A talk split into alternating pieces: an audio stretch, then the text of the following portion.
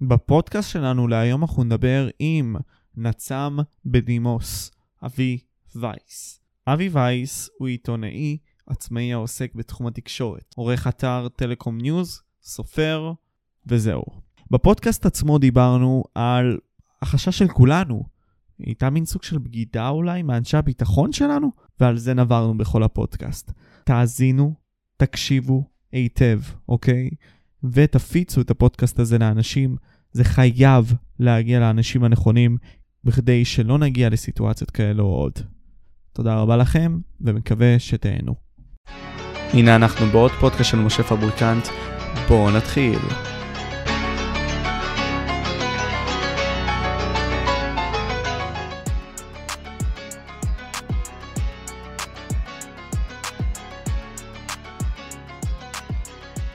טוב אבי, איש יקר, קודם כל, אה, תודה רבה שהגעת לתוכנית. תודה רבה לך. אני חייב להגיד, ואמרתי לך את זה לפני השידור, אה, כשנחשפתי לתוכן שלך, כשדיברת על המחדל הזה שהיה, לא quote on quote מחדל, הוא אלא לא באמת, נגמר, הוא ממשיך. הוא ממשיך, בדיוק. כלומר, יש עוד הרבה מאוד דברים באוויר, ואנחנו, תוך כדי גם האזרחים, שפחות מבינים גם בפוליטיקה, וגם מבינים בפוליטיקה, לא מצליחים לסדר את הדברים, ואתה, באתר שלך, שאני חייב להגיד, אה, עושה סדר בדברים האלה, טלקום ניוז, אה, פשוט סידר הכל בצורה ברורה, אבל הייתי שמח לדבר איתך על זה. אז בוא נדבר על המחדל, כלומר, אני בשביעי לאוקטובר, אה, בשעה שש וחצי כזה, התעוררתי, ופתאום אני גולל בטלגרם ורואה את כל הדברים האלה, סרטונים והכל, אנשים באים ושולחים לי הודעות, משה תסקר את זה, משה תדבר על זה, קורים פה דברים והכל והכל. פשוט בשנייה אחת ראיתי את זה, והכנסתי חרדה והכל, כולנו היינו ככה ביום הראשון לדעתי. אה, אני אשמח שנדבר אז על מה שאתה ראית, מהממצאים שאתה אספת בינתיים, על כל העניין הזה של היום הראשון, ומה קרה פה בעצם.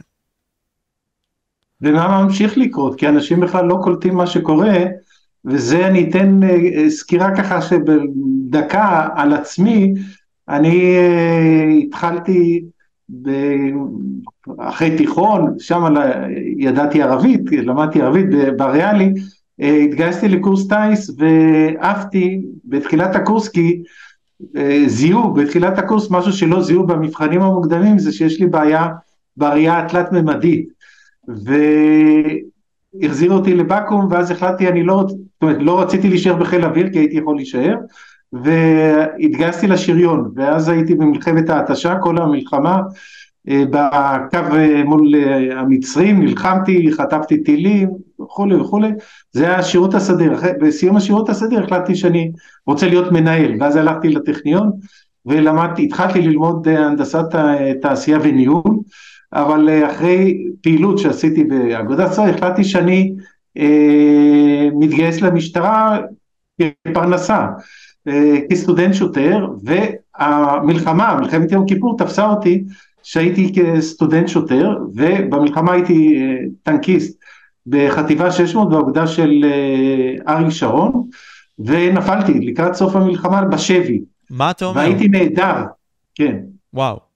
והייתי בשבי המצרי חודש, שוחררתי בעקבות זה שהארמיה השלישית הוקפה, וזה נפלתי בריא, חזרתי באלונקה ישר לבית חולים תל השומר, ניתוחים, וזה הייתי חודש. בית חולים אחרי זה חודש בזיכרון, בבית ההבראה, עד ששוקמתי, ואז החלטתי שאני אה, בוחר בקריירה של המשטרה, לא הפסקתי את הלימודים, גמרתי תואר ראשון אה, בהנדסת תעשייה אה, וניהול, עשיתי תואר שני אה, בטכניון גם כן, תוך כדי העבודה, ובסיום השירות שלי אחרי 27 שנה עשיתי הסבה לתואר ונהייתי אה, מהנדס תקשורת, תמיכה תקשורת מחשבים, למה? כי החלטתי שהקריירה הבאה שלי אחרי המשטרה יהיה עיתונאי, עיתונאי בתחום התקשורת כי זה היה ההובי שלי, הפכתי את ההובי למקצוע וככה התגלגלתי לעקוב אחרי משרד תקשורת וככה התגלגלתי לעקוב אחרי הפייק הזה שנקרא תיקי אלפים שזה הבסיס למחדל הגדול. כי אה, נוצרה אה, מעין מערכת שתפקידה היה אחד ויחיד ורתמו את כל המערכות, המשטרה, שב"כ וכולי כדי להפיל את אה, נתניהו. שריינו אלפי אנשים במקום לעקוב אחרי האויב, לעקוב אחרי נתניהו וסביבתו וגם אחרי זה, גם אחריי ואנשים שהצטרפו אליי, כמו אלי ציפורי ואחרי זה צוות 315 וכדומה. זה הקטע. עוד קטע שמאוד חשוב בהיסטוריה שלי, וזה, אני ארים קצת את המצלמה, אפשר לראות את כל ה... כאן, מעל הראש שלי ממש, יש את כל התארים והתעודות שלי, ומצד, אה, בצד הזה, יש שם מין סמל כזה, שזה סמל ספיישל אייג'נט. זה אה, תואר שקיבלתי בארצות הברית, זה למעשה הסמכה של מומחה למשא ומתן עם טרוריסטים שחוטפים בני ערובה. זאת אומרת, קיבלתי הסמכה בדבר שאני אדבר עליו בהמשך, כי זה אנחנו נמצאים עכשיו עם טרוריסטים שחטפו בני ערובה, זה בדיוק ההסמכה שקיבלתי אה, בארצות הברית, נסעתי מטעם המשטרה לבטן רוז', בטן רוז' זה העיר הבירה של לואיזיאנה, זו מדינה אה, בדרום, ושם במתקן אה, משטרתי שעסק תחת המעטפת האקדמית של אוניברסיטת לואיזיאנה, שם עם עוד כמה קצינים עברנו את ההכשרה הזאת, אז כך שקיבלתי גם הסמכה לתחום הזה של חת... בני ערובה, חוטפים עם בני ערובה, זה נושא מאוד ספציפי שצריך להכיר אותו, והיום הציבור עושה המון טעויות, הממשלה אה, בראשות אה, ראש הממשלה נתניהו וחברי הקבינט וכדומה עובדים נכון, אבל המעטפת סביב זה, ארגון השבויים והציבור וכדומה עושה טעויות שמביאות למוות, מוות של החטופים, חד וחלק, אז בוא בגלל נתקוף, הטעויות שהם עושים. אז בוא נתקוף את זה, כלומר, יש פה שתי לא, דברים... לא, זה אני אגיד אה, בסוף, כי זה... זה לא, ה- לא, לא, לא, לא, לא אמרתי את זה ספציפית, בוא נתקוף את הטענות שאמרת. כלומר, אתה בכללי בהתחלה הצגת את עצמך, וגם לפני השידור דיברת איתי ואמרת לי שהבסיס של כל המחדל שקורה פה מתחיל בתיקי נתניהו. עכשיו, נכון. יש לי צופים, אתה יודע, שפחות מכירים את הניואנסים שבהם אתה התעסקת והניואנסים של התיק עצמו. מה שמובן פה, או מה שכביכול אנשים אומרים מהחוגים הימניים, שקרה פה איזשהו קשר מסוים של נגיד סתם בג"ץ, וכל מיני אנשים אחרים שניסו להפיל את נתניהו פשוט. ככה הם מדברים על זה, כלומר, ש, שככה קרה. עכשיו, אשמח שתספר לי על תיקי נתניהו, ועל איך אתה בונה את הטענה שלך סביב זה, שהמחדל מתחיל לא, משם. לא, אני לא אספר על תיקי נתניהו, כי זה נושא שתצטרך להקדיש לו כמה שעות. אני עד עכשיו פרסמתי 21 אלף כתבות ו-400 סרטונים, ואי אפשר לצמצם את זה לחמש דקות. אני רוצה לדבר על משהו ששייך לעיסוק שלנו, וזה המלחמה. אני לקראת המלחמה, אה, אני פרסמתי מאות פעמים, בערך אה, משהו כמו 200 פעם, אזהרות שהסיקריקים, ככה אני קורא להם, כל אלה שהחליטו אה, להוריד את נתניהו, יובילו למוות של אלפים, והם מוכנים שיהרגו גם מאות אלפים כדי שנתניהו ייפול. זה, זה לא המצאתי את זה, זה הם בעצמם אומרים את זה בתוך כן, עצמם. רק לא נתניהו, כן. רק נכון, לא לא בנט. רק זה, גם אה, ברק עצמו, אהוד ברק, שהוא אחד האידיאולוגים אחרי זה, אמר שיצופו גופות ב... אה, זה, בירקון, הוא דיבר על זה, זה, זה לא משהו שהם הסתירו, זאת אומרת הם היו מוכנים וגם ככה הם חושבים עד רגע זה וככה הם מתנהגים, הם מוכנים שיהרגו אלפים ועד מאות, מאות אלפים, רק אה, לא נתניהו ולא הימין, זה, זה קשור ביחד, הם יודעים שנתניהו ייפול, כל הימין ייפול, זו הייתה תפיסת עולם, עכשיו אה, אני בתוך העסק הזה של תיקי אלפים, השתרבב לו נושא מאוד חשוב שהוא מתקשר וזה נושא האזנות הסתר או מה שקוראים פגסוס אבל זה לא רק פגסוס זה הרבה מאוד כלים. אני הכנתי חומרים לקראת ה- ועדת החקירה שהקימו שהיא עדיין לא התחילה לעבוד בגלל המלחמה ולקראת ההכנות לוועדה עבדתי על המון חומרים שהכנתי ובין היתר גיליתי דבר מאוד מאוד אה, מפתיע ומזעזע וכדי שלהבין את המזעזע אני צריך לתת מילה אחת מה זה מודיעין. מודיעין מורכב משני חלקים, חלק אחד זה איסוף המודיעין ואתה אוסף את- המידע בכמה שיטות שמיד אני אדבר, וחלק שני זה הניתוח של המודיעין. הניתוח של המודיעין במדינת ישראל הוא המשימה של צה"ל, אמ"ן, ויש עוד גוף נוסף שזה המל"ל, אה, שעומד בראשו היום אה, צחי הנגבי, שתפקידו לעשות אגרגציה, אה, עיבוד והצגה של המודיעין כאיפכא מסתברא או כהשלמה למה שעושה אמ"ן. זה הסיפור. אגף הסוכנויות- המודיעין והמערך לביטחון לאומי, נכון? נכון, כן. אה, אלה שני הגופים שעוסקים בניתוח. אני לא אגע כרגע בנושא של הניתוח, כי החומרים שהציגו המנתחים היו שגויים לחלוטין. עכשיו אני אומר, איך אוספים? יש ארבע שיטות, זה ממש ממש בקצה המזלג למי שלא עבר את היחידות מודיעין אה, אה, במשטרה או בצבא, אז יש אה, ארבע שיטות, והשיטה הכי פשוטה זה לעשות מודיעין גלוי, אוסינט, ככה זה נקרא, מודיעין גלוי. מה זה מודיעין גלוי? מרשתות חברתיות, מהאינטרנט, מהטלוויזיה, ממה שאנשים מדברים, היום הרבה אנשים מדברים בוואטסאפ וכך הלאה. זה מודיעין גלוי, המודיעין גלוי נורא קל לאסוף את זה, היות וזה אה, כמויות אה, עצומות, אז אה, יש כלים לזה, כלים ממוחשבים שאוספים את המודיעין הגלוי ומנתחים אותו, מציגים אותו, ואז אתה מסיק את אה, מה שאתה רוצה. אני חייב לציין כבר בנקודה הזאתי, כל המודיעין הגלוי על התכנון של הטבח שהיה ביום שביעי לחודש היה גלוי, כולו היה גלוי, הם לא הסתירו את זה, ממש לא. הם פרסמו סרטונים ואת הצילומים של ההכנות שלהם והתרגולים והיו להם כמה וכמה תרגולים שהם תרגלו בגדול את כל הכלים שהם הפעילו רק לא היה מי שיאסוף תכף אני אגיע, אגיע לזה. השיטה השנייה זה סיגינט, סיגינט זה האזנות בעיקר האזנות סתר ואני פה אני אציין באופן ספציפי את העניין הזה של הפגסוס והכלים זה לא הפגסוס זה 12 כלים אבל פגסוס זה השם שנקלט בציבור ובנושא הזה אלפי אנשים, אני אומר אלפי אנשים שועבדו לא לעקוב אחרי האויב, אלא אחרי נתניהו וחבורתו, במשטרה ובשב"כ, זה מה שהם עשו. אתה אומר שהם השקיעו את. כל הכוח שלהם במקום על האויב, כן, על השקיעו. במקום נתניהו לחפש שהוא את האויב. האויבים, חיפשו את נתניהו וסביבתו. יותר מזה, כתוצאה מכך שהמשטרה נכנסה לתחום שהוא לא שלה, שזה נקרא אה, כלי הסייבר ההתקפי, לחמאס נודע מה הכלים שיש לשב"כ. זאת אומרת, עכשיו הם למדו מה להתגונן. איך מתגוננים? נורא פשוט. עברו לכלים של תקשורת שלא פתוחים לכלים האלה. למשל, קווי.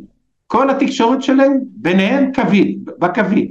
בקווי אתה צריך להגיע ספציפית לאיפה שהחוטים של הקווי ולשים מתקן האזנה. אתה צריך לחדור לתוך עזה פנימה כדי להגיע לקווי שלהם. אין דרך אחרת, אז לא היו חדירות, היה מקרה אחד של ניסיון חדירה שנכשל, לא, אז לא ידעו, לא האזינו לקווי. דרך שנייה שהם דיברו ביניהם, זה מכשירי קשר. מכשירי קשר, אין דרך לנטר את זה, אלא להאזין לזה. והדבר הכי מדהים, היו אזרחים בעוטף עזה, באופקים ושדרות נדמה לי, היו שתי קבוצות שהאזינו לחמאס במכשירי הקשר. דרך התדרים. מה- איך? דרך התדרים עצמם. דרך של- התדרים, כן, יש מכשירים שהם מוצאים את התדרים והם האזינו להם, ומי שיודע ערבית, הביא. אז לקבוצה אחת, משרד תקשורת החרים את המכשירים, קבוצה שנייה, אה, 8200 החרימו את המכשירים. ככה, אז לא היה מי שיאזין למכשירים. זה הנושא של אה, שיטה שנייה, אמרתי סיגינג. אז אה, שיטה לי שלישית- שנייה, אני- חשוב לי רק לציין דבר אחד, וזה דבר שהוא חשוב להמחיש, אתה אומר בריש גלוי, עצם העובדה שהתמקדנו בכביכול אויב מדומיין שזה נתניהו, הובילה ככל הנראה לכך שהאויב עצמו האמיתי שלנו, שזה חמאס, לעשות את הדברים שהוא עשה כנגדנו. ויכולנו למנוע את זה. חד וחלק, ברור.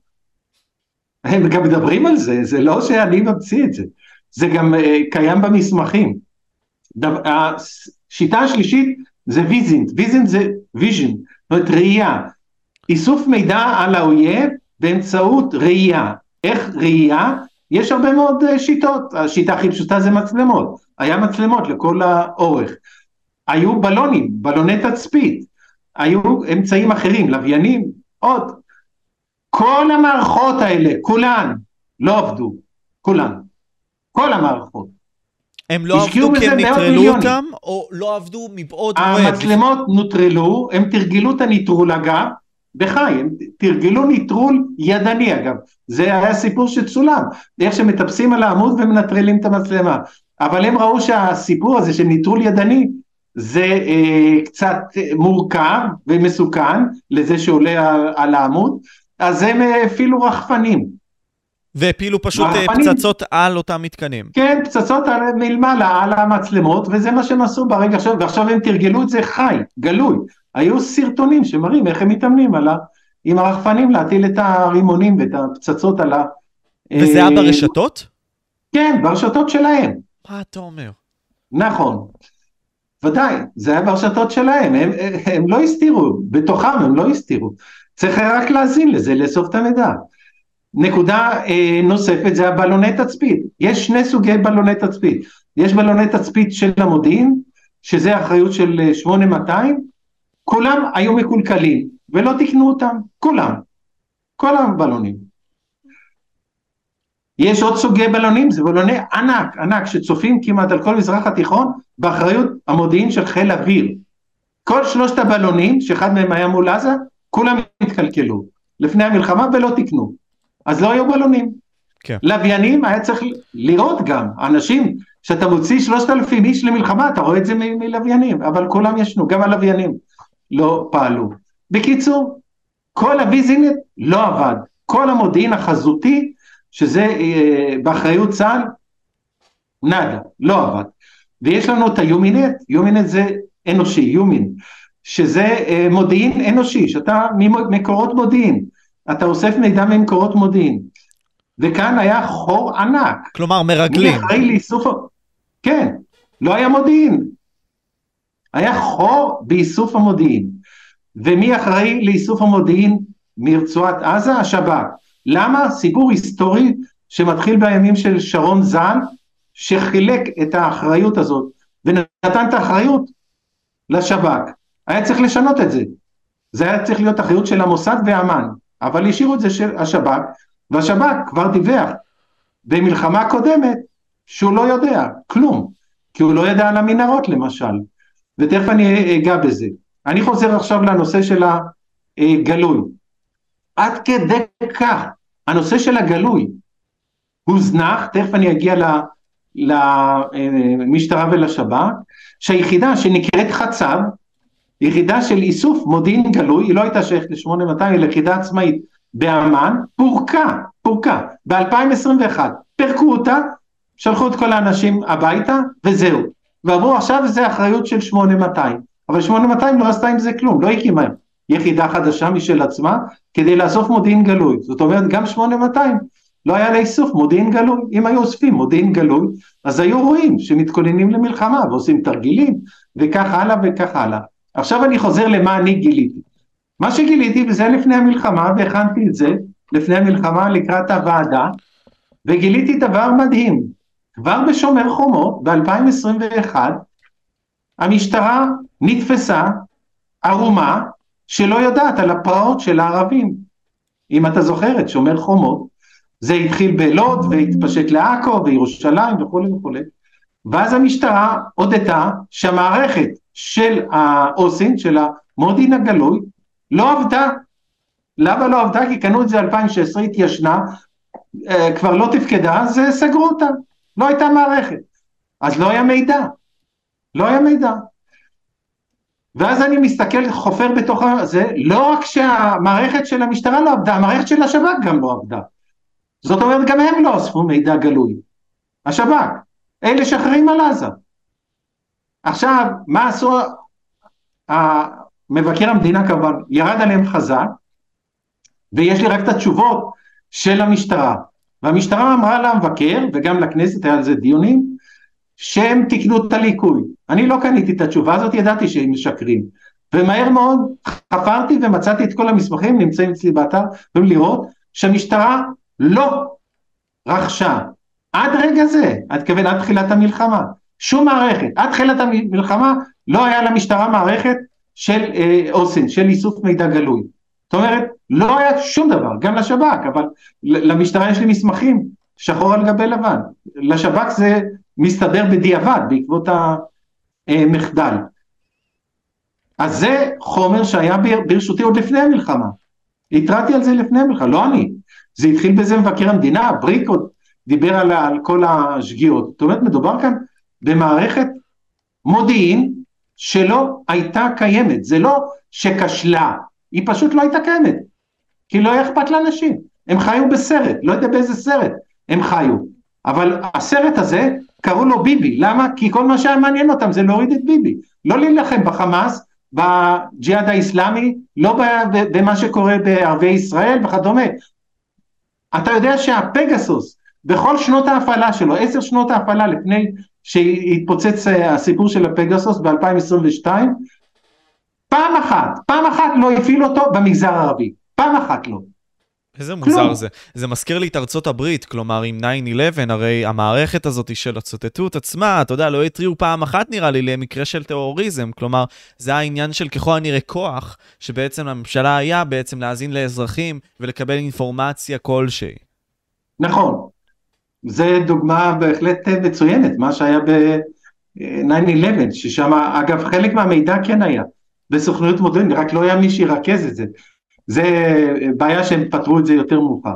בכל אופן, המערכת שהיא נקראה אומגה, שרכשו אותה במשטרה ב-2016, ב-2020 היא שווקה, והיו צריכים לקנות מערכת אה, חדשה, ביקשו לא למכרז, ונתקעו במכרז עד, על, הם הודיעו לאוצר, כי זה, יש, זה, זה עולה הרבה כסף, שהם יקנו את המערכת ב-30 ל-11-23. 30 ל-11-23, זאת אומרת, אנחנו עדיין לא הגענו לתאריך, אבל עכשיו הם אה, לקחו, זה ברור, אבל באותו זמן לא היה במדינת ישראל מערכת ממוחשבת לאיסוף מידע גלוי. מי אסף מידע גלוי? אזרחים, מיוזמתם. ואז אנחנו דיברנו על האזרחים האלה שאספו מידע מיוזמתם, אבל זה לא היה מידע שהגיע למערכות המודיעין. אז רגע, אני, פשוט... מציג, אני מציג פה על המסך ממש את uh, טופס בקשה להתקשרות הפטור עצמו של השביעי לשמיני. בעצם אתה אומר שהם דחו את זה עד למלחמה עצמה, כלומר את העניין הזה שפשוט. הם לא ידעו שיהיה מלחמה, אבל זה לא, לא עניין אותם, כן. וואו, אוקיי, מעניין. איך, איך הם ידעו שידעו מלחמה אם הם לא אוספים מידע? זה, זה לא עניין אותם, עניין אותם להוריד את ביבי. זה הדבר היחידי שעניין אותם. חשוב לי לציין דבר אחד שאולי לא ציינו לפני השיח, הרי ארבעת הדברים האלה שציינת, ארבעת המקורות מודיעין האלה, בעצם מתחלקים לשלוש של שב"כ ואחד של צה"ל. נגעת בזה בקטנה, נכון. אתה יכול עוד יותר לחדד את זה?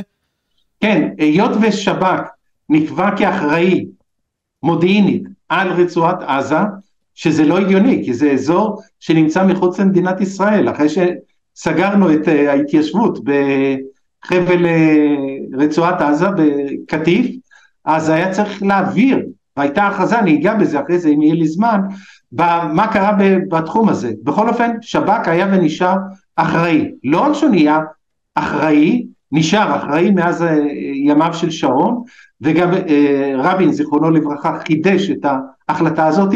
אני אקרא כאן מסמך שחתום עליו גנץ, ואני אקרא, אקריא, זה מסמך שמדהים, וכתוב פה, אני אקריא מילה במילה.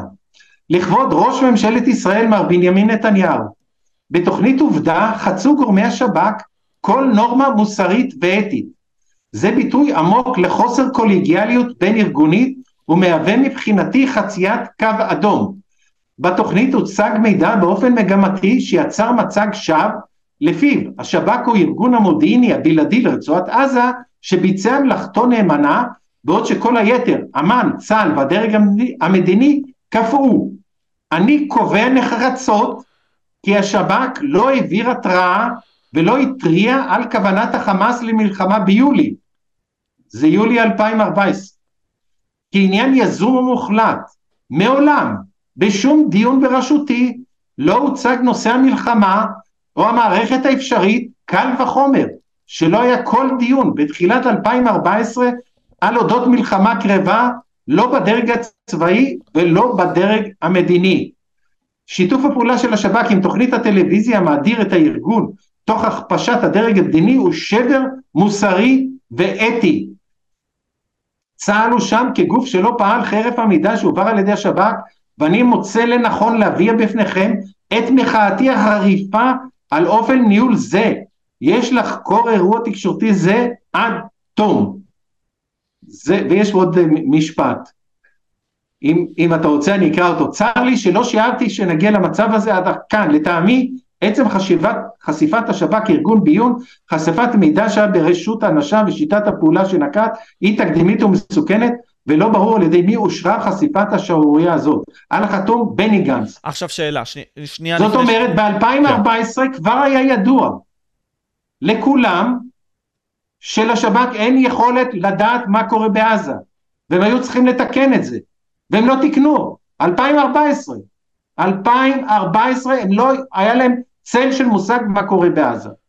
שאלה בנוגע לזה, מאיפה יש לנו את ההוכחה למה שקראת פה עכשיו? לא שאני, אתה יודע, חס וחלילה עושה לך קליים שאתה מביא פה המצאות. אני פשוט שואל לצופה ששומע אותך עכשיו. ההוכחה הכי פשוטה, זה מה עשו ראשי המודיעין ביום חמישי-שישי לפני הטבח. מה הם עשו? מה הם עשו? הלכו לבלות. הלכו לנופש באילת, אתה אומר. נופש באילת, חלק. חלק היו בנופשים אחרים, וחלק הדתיים היו במסיבות אה, משפחתיות. זה מה שהם עשו, וכל השאר שלחו לחופש. לא היה חיל אוויר, לא היה תותח אחד, תותח אחד, אחד. לא היה בכל רצועת, אחד. כלום. מזכ"רים, כלום. כלום. היה סך הכל השאירו שתי גדודים מדוללים של אה, גולני. זהו. אה. וגם הם ישנו. אה, והטנקיסטים, היה טנק אחד עם, עם מכוסה הלוע שפיטרל לו על הגדר, אחד, טנק אחד, שדפקו לו מלמעלה פצצה ו... ו וגמרו איתו. כי יש את הסרטון הזה של אותם אנשים. נכון, עכשיו, יותר אבל, מזה. אבל, אבל שנייה, שנייה, שנייה, אני חייב פשוט לסדר את השיח, כי אנחנו יכולים ממש לזרום עם זה, אני, ב... אני רוצה גם לזרום איתך. פשוט חשוב לי להבהיר, שלושת הדברים שהשב"כ אמון עליהם, מודיעין הגלוי, שזה בעצם הרשתות והכל, שאנחנו דיברנו עליו טיפה, אנחנו נרחיב עליו בהמשך השיח. האזנות, שכפי שאמרת, לא אפקטיביות כחלקן, למה? כי בעצם הכל הביאו על ראש הממשלה בנימין נתניהו, חלקם הגדול. החזותי, שזה בעצם כל מה שקשור לצה"ל, תצפיתניות והכול, זה קשור לצה"ל. והמודיעין האנושי, שזה הריגול, זה קשור לשב"כ. פשוט רוצה לעשות סדר בעניינים האלה. נכון, בהחלט. Okay. שום דבר לא פעל. אוקיי. לא רק זה, ב-2014 כבר ידעו. דיווחו את זה לקבינט, מבקר המדינה כתב על זה, שזה לא עובד. הם הודו שזה לא עובד ולא תיקנו את זה. אז היה צריך להעביר את האחריות למישהו אחר, לא העבירו. וזה נשאר ככה. מ-2014 תלוי באוויר. לא רק זה, נכנס להם קונספציה, והקונספציה הזאת היה מטורפת. וביום ראשון, יום ראשון בשבוע שלפני הטבח, נתניהו תכנן לצאת לחופש, חופש שני, בחג, ליישוב בצפון. לפני שהוא יצא, הוא כינס כינוס ביטחוני, את בן גביר וסמוטריץ' הוא לא הזמין לשם, כי הוא לא כל כך סובל אותם, אבל זה לא, כרגע אי אפשר ל- ל- להתחשבן, אבל בדיון היה כל מי שנוגע לנושא הערבי, זאת אומרת אמ"ן, שב"כ, מוסד וכיוצא, המל"ל, כולם אמרו לביבי סע לחופש בשקט, החמאס מורתע, אם יהיה קצת אה, אירועים זה יהיה ביהודה ושומרון, זריקות אבנים, ירי דברים קטנים שנפתור לבד. צחי הנגבי אמר בדיון, לא רק שהוא מורתע, הוא מורתע ל-15 שנה קדימה.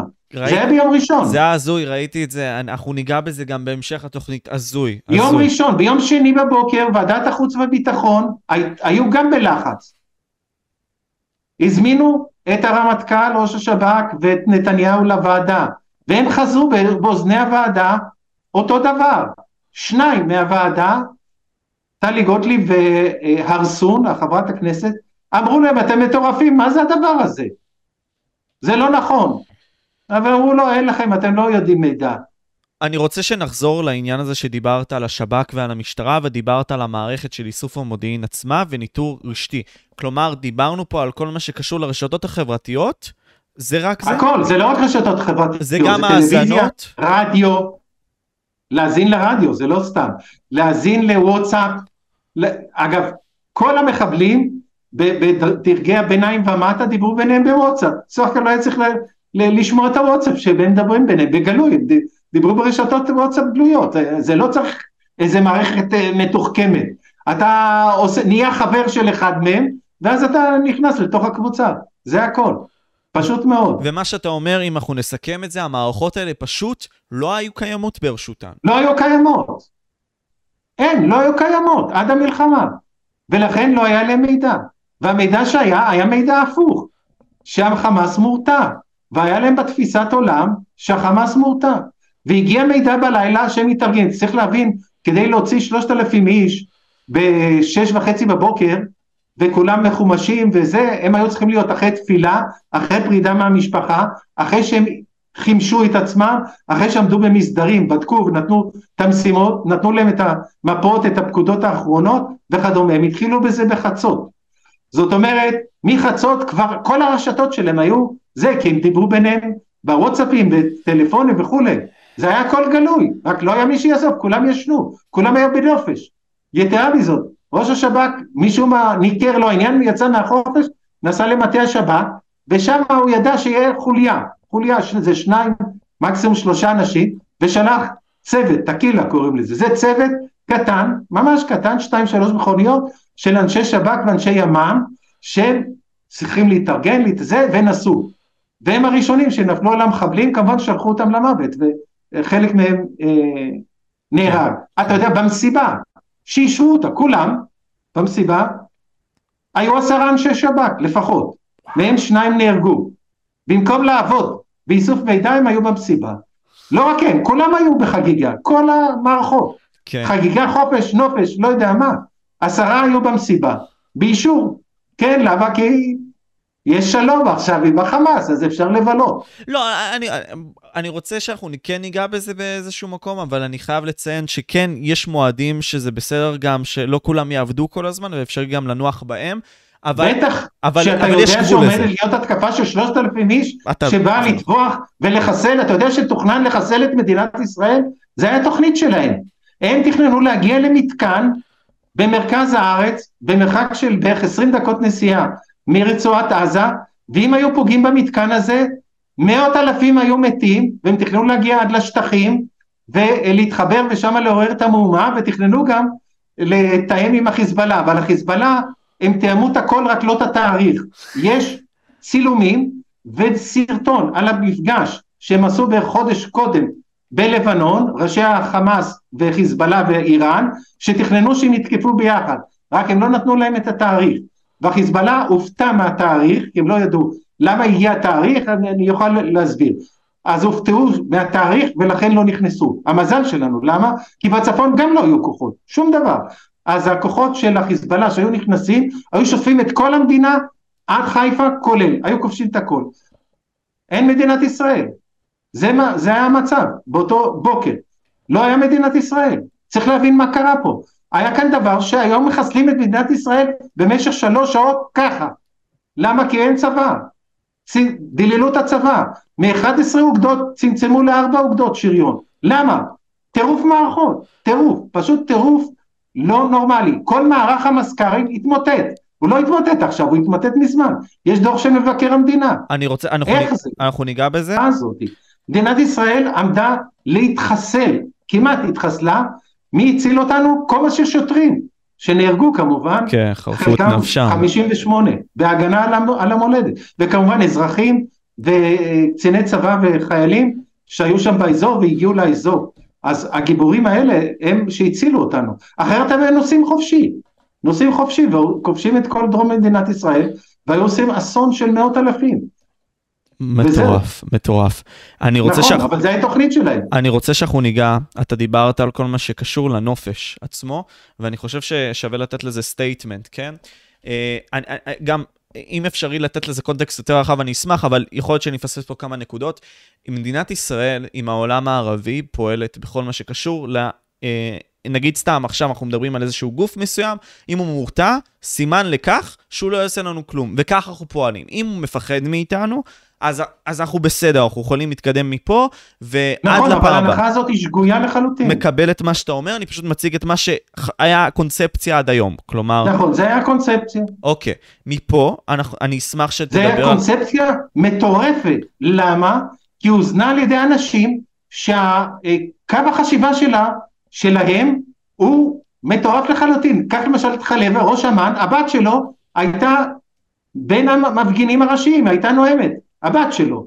עכשיו אתה מבין את הרוח בתוך המשפחה. שקמה ברסלר הבעל שלה הוא הכי מהבכירים בשב"כ. אז אתה מבין מה יש כאן במשפ... במשפחה. אז אתה מבין שבכלל האנשים האלה, כל מה שהטריד אותם זה ביבי. זה מה שהם חיו, זה מה שהם עשו, זה, זה בכלל מטורף. ה-8200 עסק באקלים, זה לא אני המצאתי, זה חלב ואמר בקולו, האקלים מטריד אותי יותר מהחמאס. תגיד לי, אתה, אתה חושב שאלה אנשים ש, שחיים על כדור הארץ? על מה? אין לנו אדום להגן עלינו. על זה אנחנו משלמים להם. כל מה שעניין את ראשי הצבא וה, והביטחון זה לתת עוד פנסיות, עוד תנאים, עוד הטבות, לדאוג אחד לשני וזהו, זה מה שעניין אותם. מחבלים, אויבים, צבא, לא עניין אותם. זה, זה, זה פשוט מזעזע, זה לא מחדל, זה דבר בסיסי הכי חמור, שאתה נותן אמון באנשים שתפקידם להגן עליך, וכל מה שהם עושים הם חוגגים וחושבים איך להפיל את ראש הממשלה, וזה אני, מה שמשקיעים את הזמן שלהם. אני בכוונה עוצר לשנייה את מה שאתה אומר, אני פה מציג את כל העניין הזה שיואב זיתון ועינף חליפי באו והעלו, בימים שלפני מתקפת הפתע, בכירים בצה"ל אמרו לדרג המדיני שחמאס מורתע. המתקפה הקטלנית שבה פתחו הבוקר ארגוני הטרור מהרצועה, באה אחרי שבדיונים שנערכו בשבועיים האחרונים, כמו שאתה ציינת גם, אמרו הבכירים בצה"ל לדרג המדיני כי חמאס אינו מעוניין בהסלמה. עכשיו, אני מציג גם את כל העניין הזה שבוועדות החסויות שמעו שחמאס מורתע, וגם את צחי הנגבי, ראש מל"ל, שאומר שחמאס מורתע ל-15 שנה קדימה. אה, עכשיו, נכון. כשאני אומר את זה, אני, אתה יודע, אני מקבל חלחלה כלשהי, וגם יש את uh, ראש אמ"ן, אני אציג גם את הקליפ הזה ממש עכשיו, תוך כדי שתדבר אני אעצור אותך, אבל uh, שם הוא אומר לפני חודש שחמאס מורתע. נכון. ראש אמ"ן שלנו, ראש אגף המודיעין. נכון, בוודאי. צריך להבין שהכל מתועד, זה, זה הדבר הכי מדהים. המחדל מתועד וחי. באים בטענות שנתניהו אה, אוסף חומרים, זה, זה לא צריך לאסוף חומרים, הכל גלוי. זה מה שאני אוסף, אני אוסף חומרים גלויים, וכמובן מה שמדליפים לי, אבל בגדול זה גלוי. ואני שם את המסמכים, הכל גלוי. אין פה מה לחפש, הדברים גלויים, המחדל היה מול העיניים. בריק צעק שנים, אין לנו צבא למלחמה בכמה חזיתות, ואני שכפלתי את מה שהוא עושה, כי אני עוקב אחריו באופן קבוע, ולא רק הוא, היו עוד כמה צדיקים שאמרו, אני, אבל לא הקשיבו לנו. אני בכוונה... לא הקשיבו. אני עכשיו... לא רצו להקשיב, זה יותר חמור. לא רצו להקשיב. אני רוצה... ולא רק שלא רצו להקשיב, עשו מאיתנו משוגעים, תפרו לנו תיקים, ועשו את הכל כדי לא להאמין לנו. אוקיי, אני עכשיו מציג את מה שראש אמ"ן אמר אה, לפני כחודש, לפני המלחמה עצמה.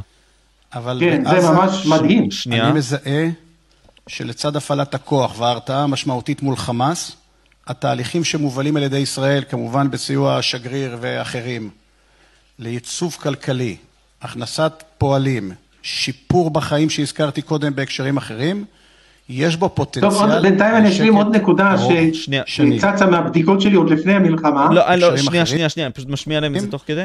יש בו פוטנציאל לשקט ארוך שנים. כלומר, לא, אבל שנייה, בקליפ הזה שבא, הוא גם אמר שהוא גם דיבר על ההסכמים הערביים, כלומר, שעם ההסכמים עצמם יהיה גם שקט. לזה גם אתה לא נכון. מאמין, או שאתה מאמין.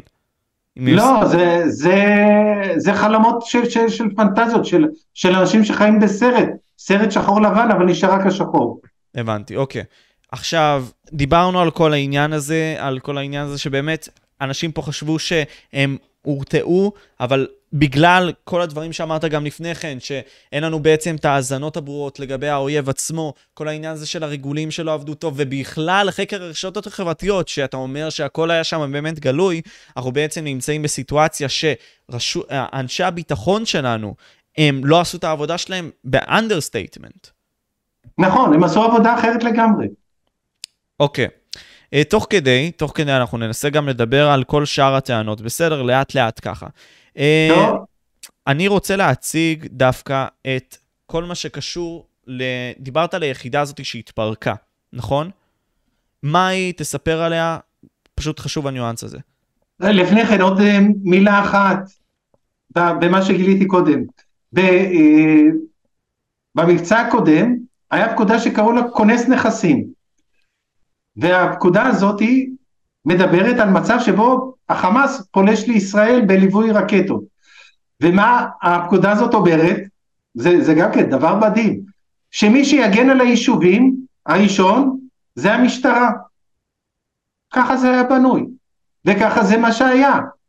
בעופרת יצוקה, הזיקו את כל יחידות המשטרה, ימ"מ, אה, ימ"סים, אה, יס"מים וכדומה, לרצועת עזה להגן על היישובים, אז לא היה צריך, אבל הזעיקו אותם במקום שהם יהיו בלוד, ברמלה, בירושלים, בעכו.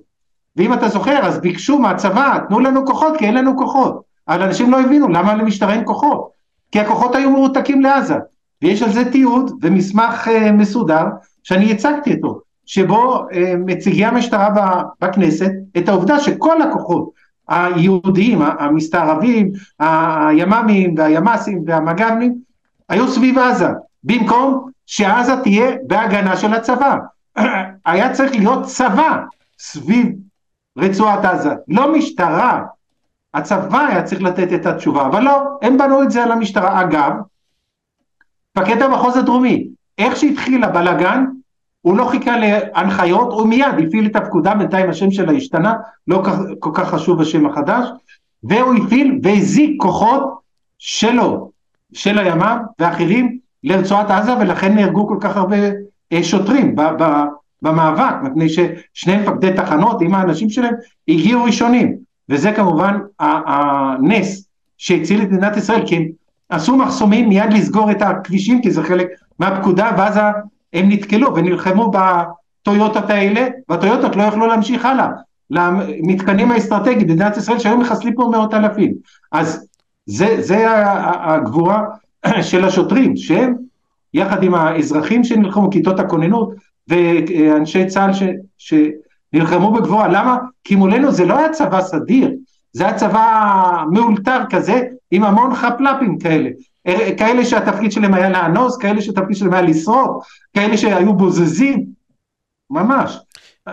אנשים באו עם חמורים, כן. ועם עגלות, וזה זה, זה עמך ממש, פועל, פועלי בניין וכאלה. זאת אומרת, אנחנו, צה"ל, שלושה ימים לקח לו לתאר את, ה, את האזור, שלושה ימים מול כאלה חמאסניקים, שלושה ימים לצה"ל.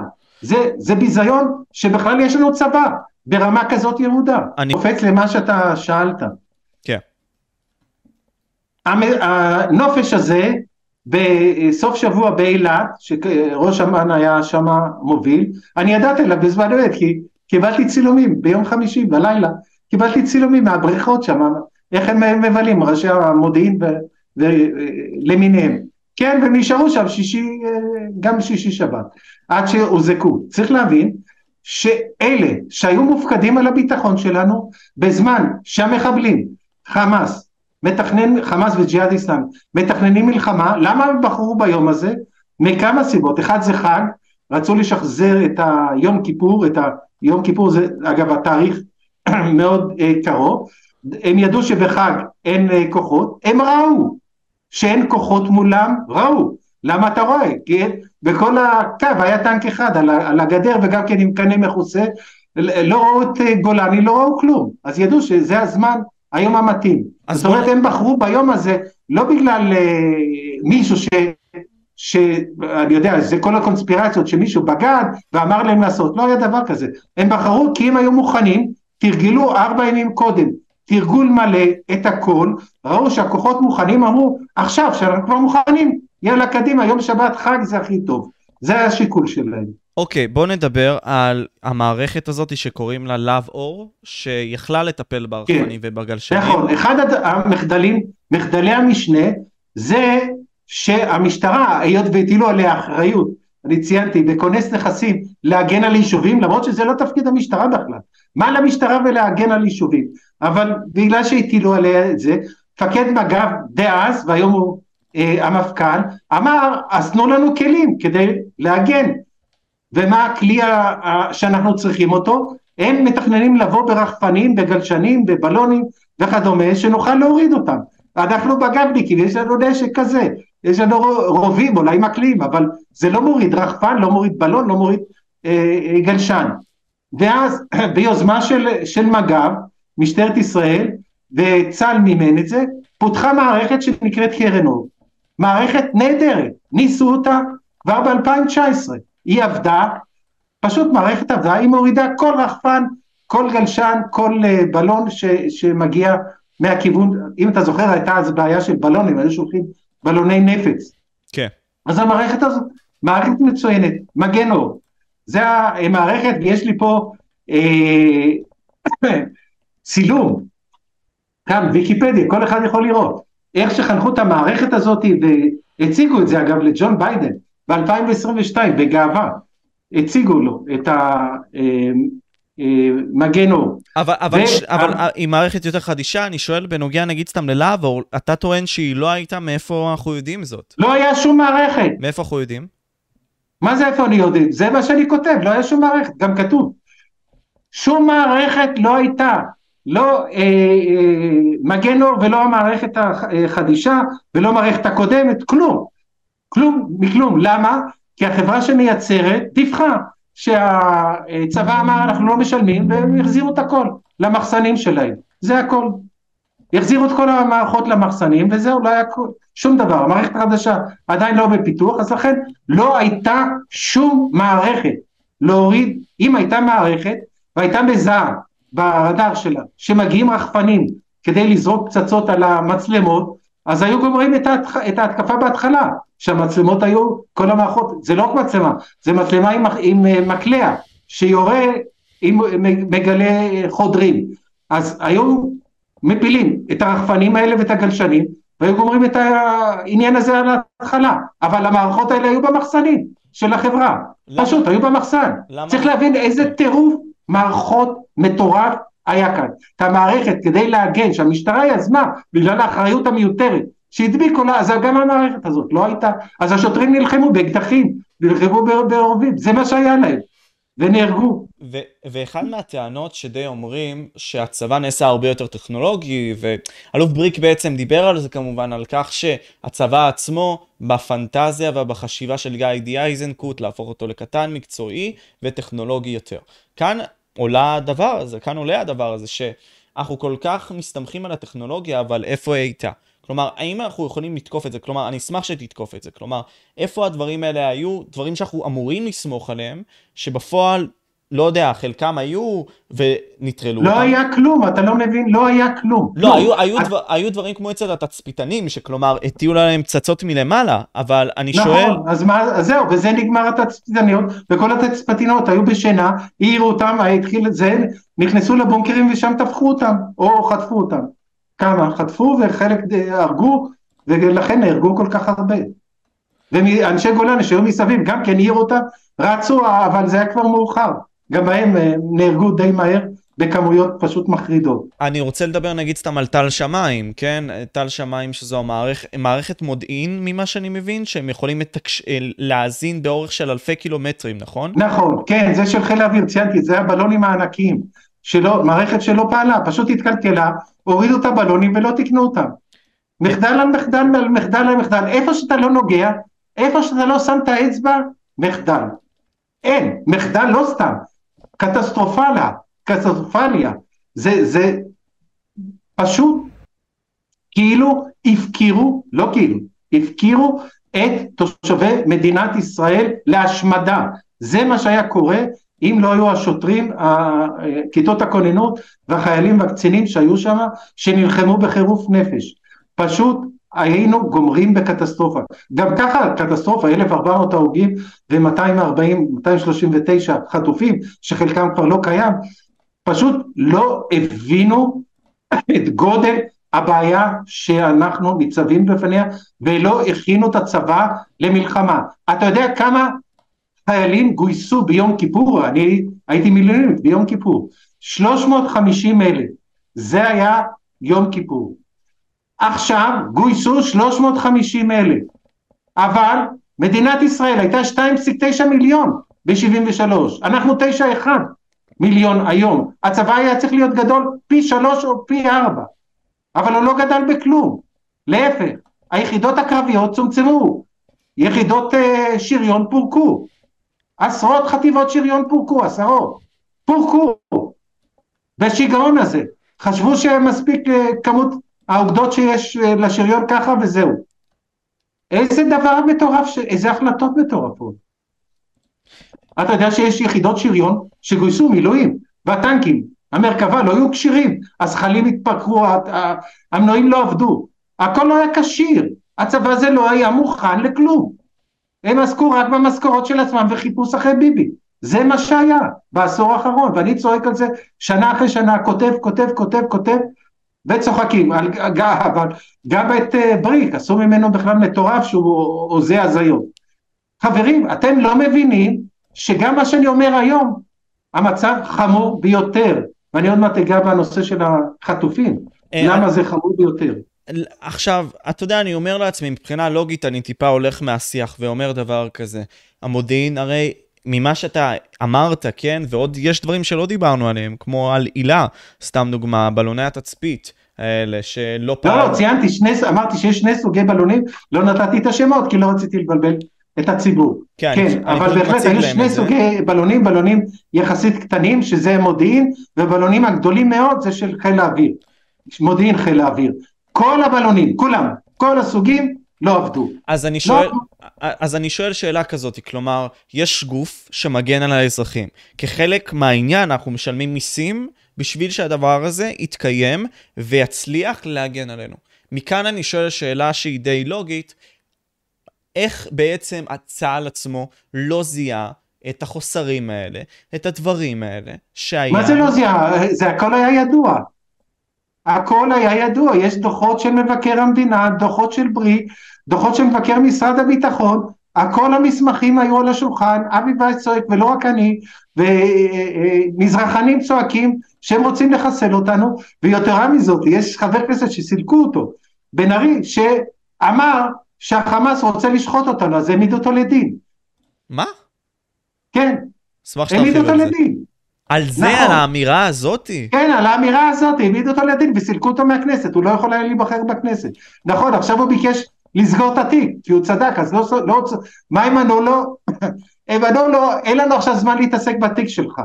אה, אבל בתיק שלי כן יש לכם זמן, ובתיקים אחרים יש לכם זמן? נו באמת, איזה שקרנים, זה פשוט לא ייאמן. אדם, היה חבר כנסת, אמר שהחמאס רוצה לשחוט אותנו, העמיד אותו לדין ולא נתנו לי להיבחר לכנסת. אבל את אלה שתומכים בחמאס, שנמצאים בכנסת, לא עשו להם שום דבר. אלה העובדות. צריך להתמודד עם העובדות. אנחנו היינו בסרט שחור לבן, אבל בשחור. לא שנה אחת, שנה אחרי שנה. ציינתי את המלחמה הקודמת, 2014. אותם מחדלים. לא ידעו על מאות קילומטרים של מנהרות. כלום. לא ידעו. נאדה. איך חופרים מאות קילומטרים של מנהרות ואתם לא יודעים על זה? איזה מין דבר זה? אוקיי. אה, אני גם מציג עכשיו לצופים בקטנה, יש פה חלק... תדלק את החמאס, אתה יוצר חשק לדעש. כשאתה מתדלק את החמאס, אתה יוצר אה, חשק לדעש, בוא נגיד ככה, הוא אמר את זה ב-2014 עוד. נכון. כן, ואתם יכולים לראות את הסרטון הזה, אבל מה שכן, אני חייב להגיד, שוב פעם, אתה יודע, יכול להיות שאני כאן טועה, ב-2013 הוא הפסיק להיות חבר כנסת, אז אתה אומר לי שהוא אמר זאת בזמנים האלה, וכתוצאה נכון, מכך... כן. אוקיי. נכון, על זה, על זה העמידו אותו לדין, כן. הבנתי, אוקיי. אה, דיברנו על העניין הזה של המודיעין, דיברנו על אותם דברים. מכאן לאן אנחנו הולכים? כלומר, איזה עוד דברים יש שאנחנו עדיין רוצים? אני חושב שהדבר הכי חמור שכרגע מטריד את הציבור זה נושא החטופים. צריך להבין שטיפול במחזיקי חטופים כבני ערובה על ידי טרוריסטים זה מקצוע. אני ציינתי שיש לי תעודה על זה, טאג, זה נקרא special agent, ספציפי. מה שעושים היום בממשלה זה נכון, ללחוץ אותם. ככל שאתה לוחץ אותם יותר, יש סיכויים להישגים. אבל מה? קרה דבר חמור ביותר הפוך. על החטופים התלבש, התלבשו הסיקריקים והתחילו לפמפם. נגד מי? נגד ביבי ונגד גל הירש, שמונה להיות ממונה על החטופים. צריך להבין את הסיטואציה בראש של החוטף. החוטף, בני ערובה, זה מקצוע מאוד מוזר, אבל מוכר. זה לא דבר חדש. אז בוא, בוא ניגע בזה, אני זוכר... בנקודה הזאתי, כן.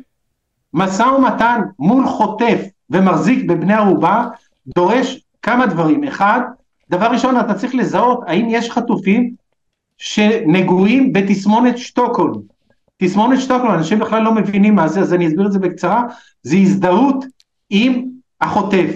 זה דבר שיכול להיות קטן, או יכול להיות גדול מאוד. בדרך כלל גם משתמשים בתסמונת הזאת כדי שחוטפים יביעו ברדיו, בטלוויזיה או בסרטונים, ידברו נגד המדינה שלהם. כשאני הייתי שבוי ביום כיפור, אז אה, לקחו שבויים כדי שידברו ברדיו קהיר נגד הממשלה, נגד דיין וגולדה. אני לא רציתי אגב להתראיין, זה היה טעות שלי. כי עינו אותך אחרי זה, ממה שאני זוכר. איך? עינו אותך אחרי זה, לא? כל הזמן עינו אותי.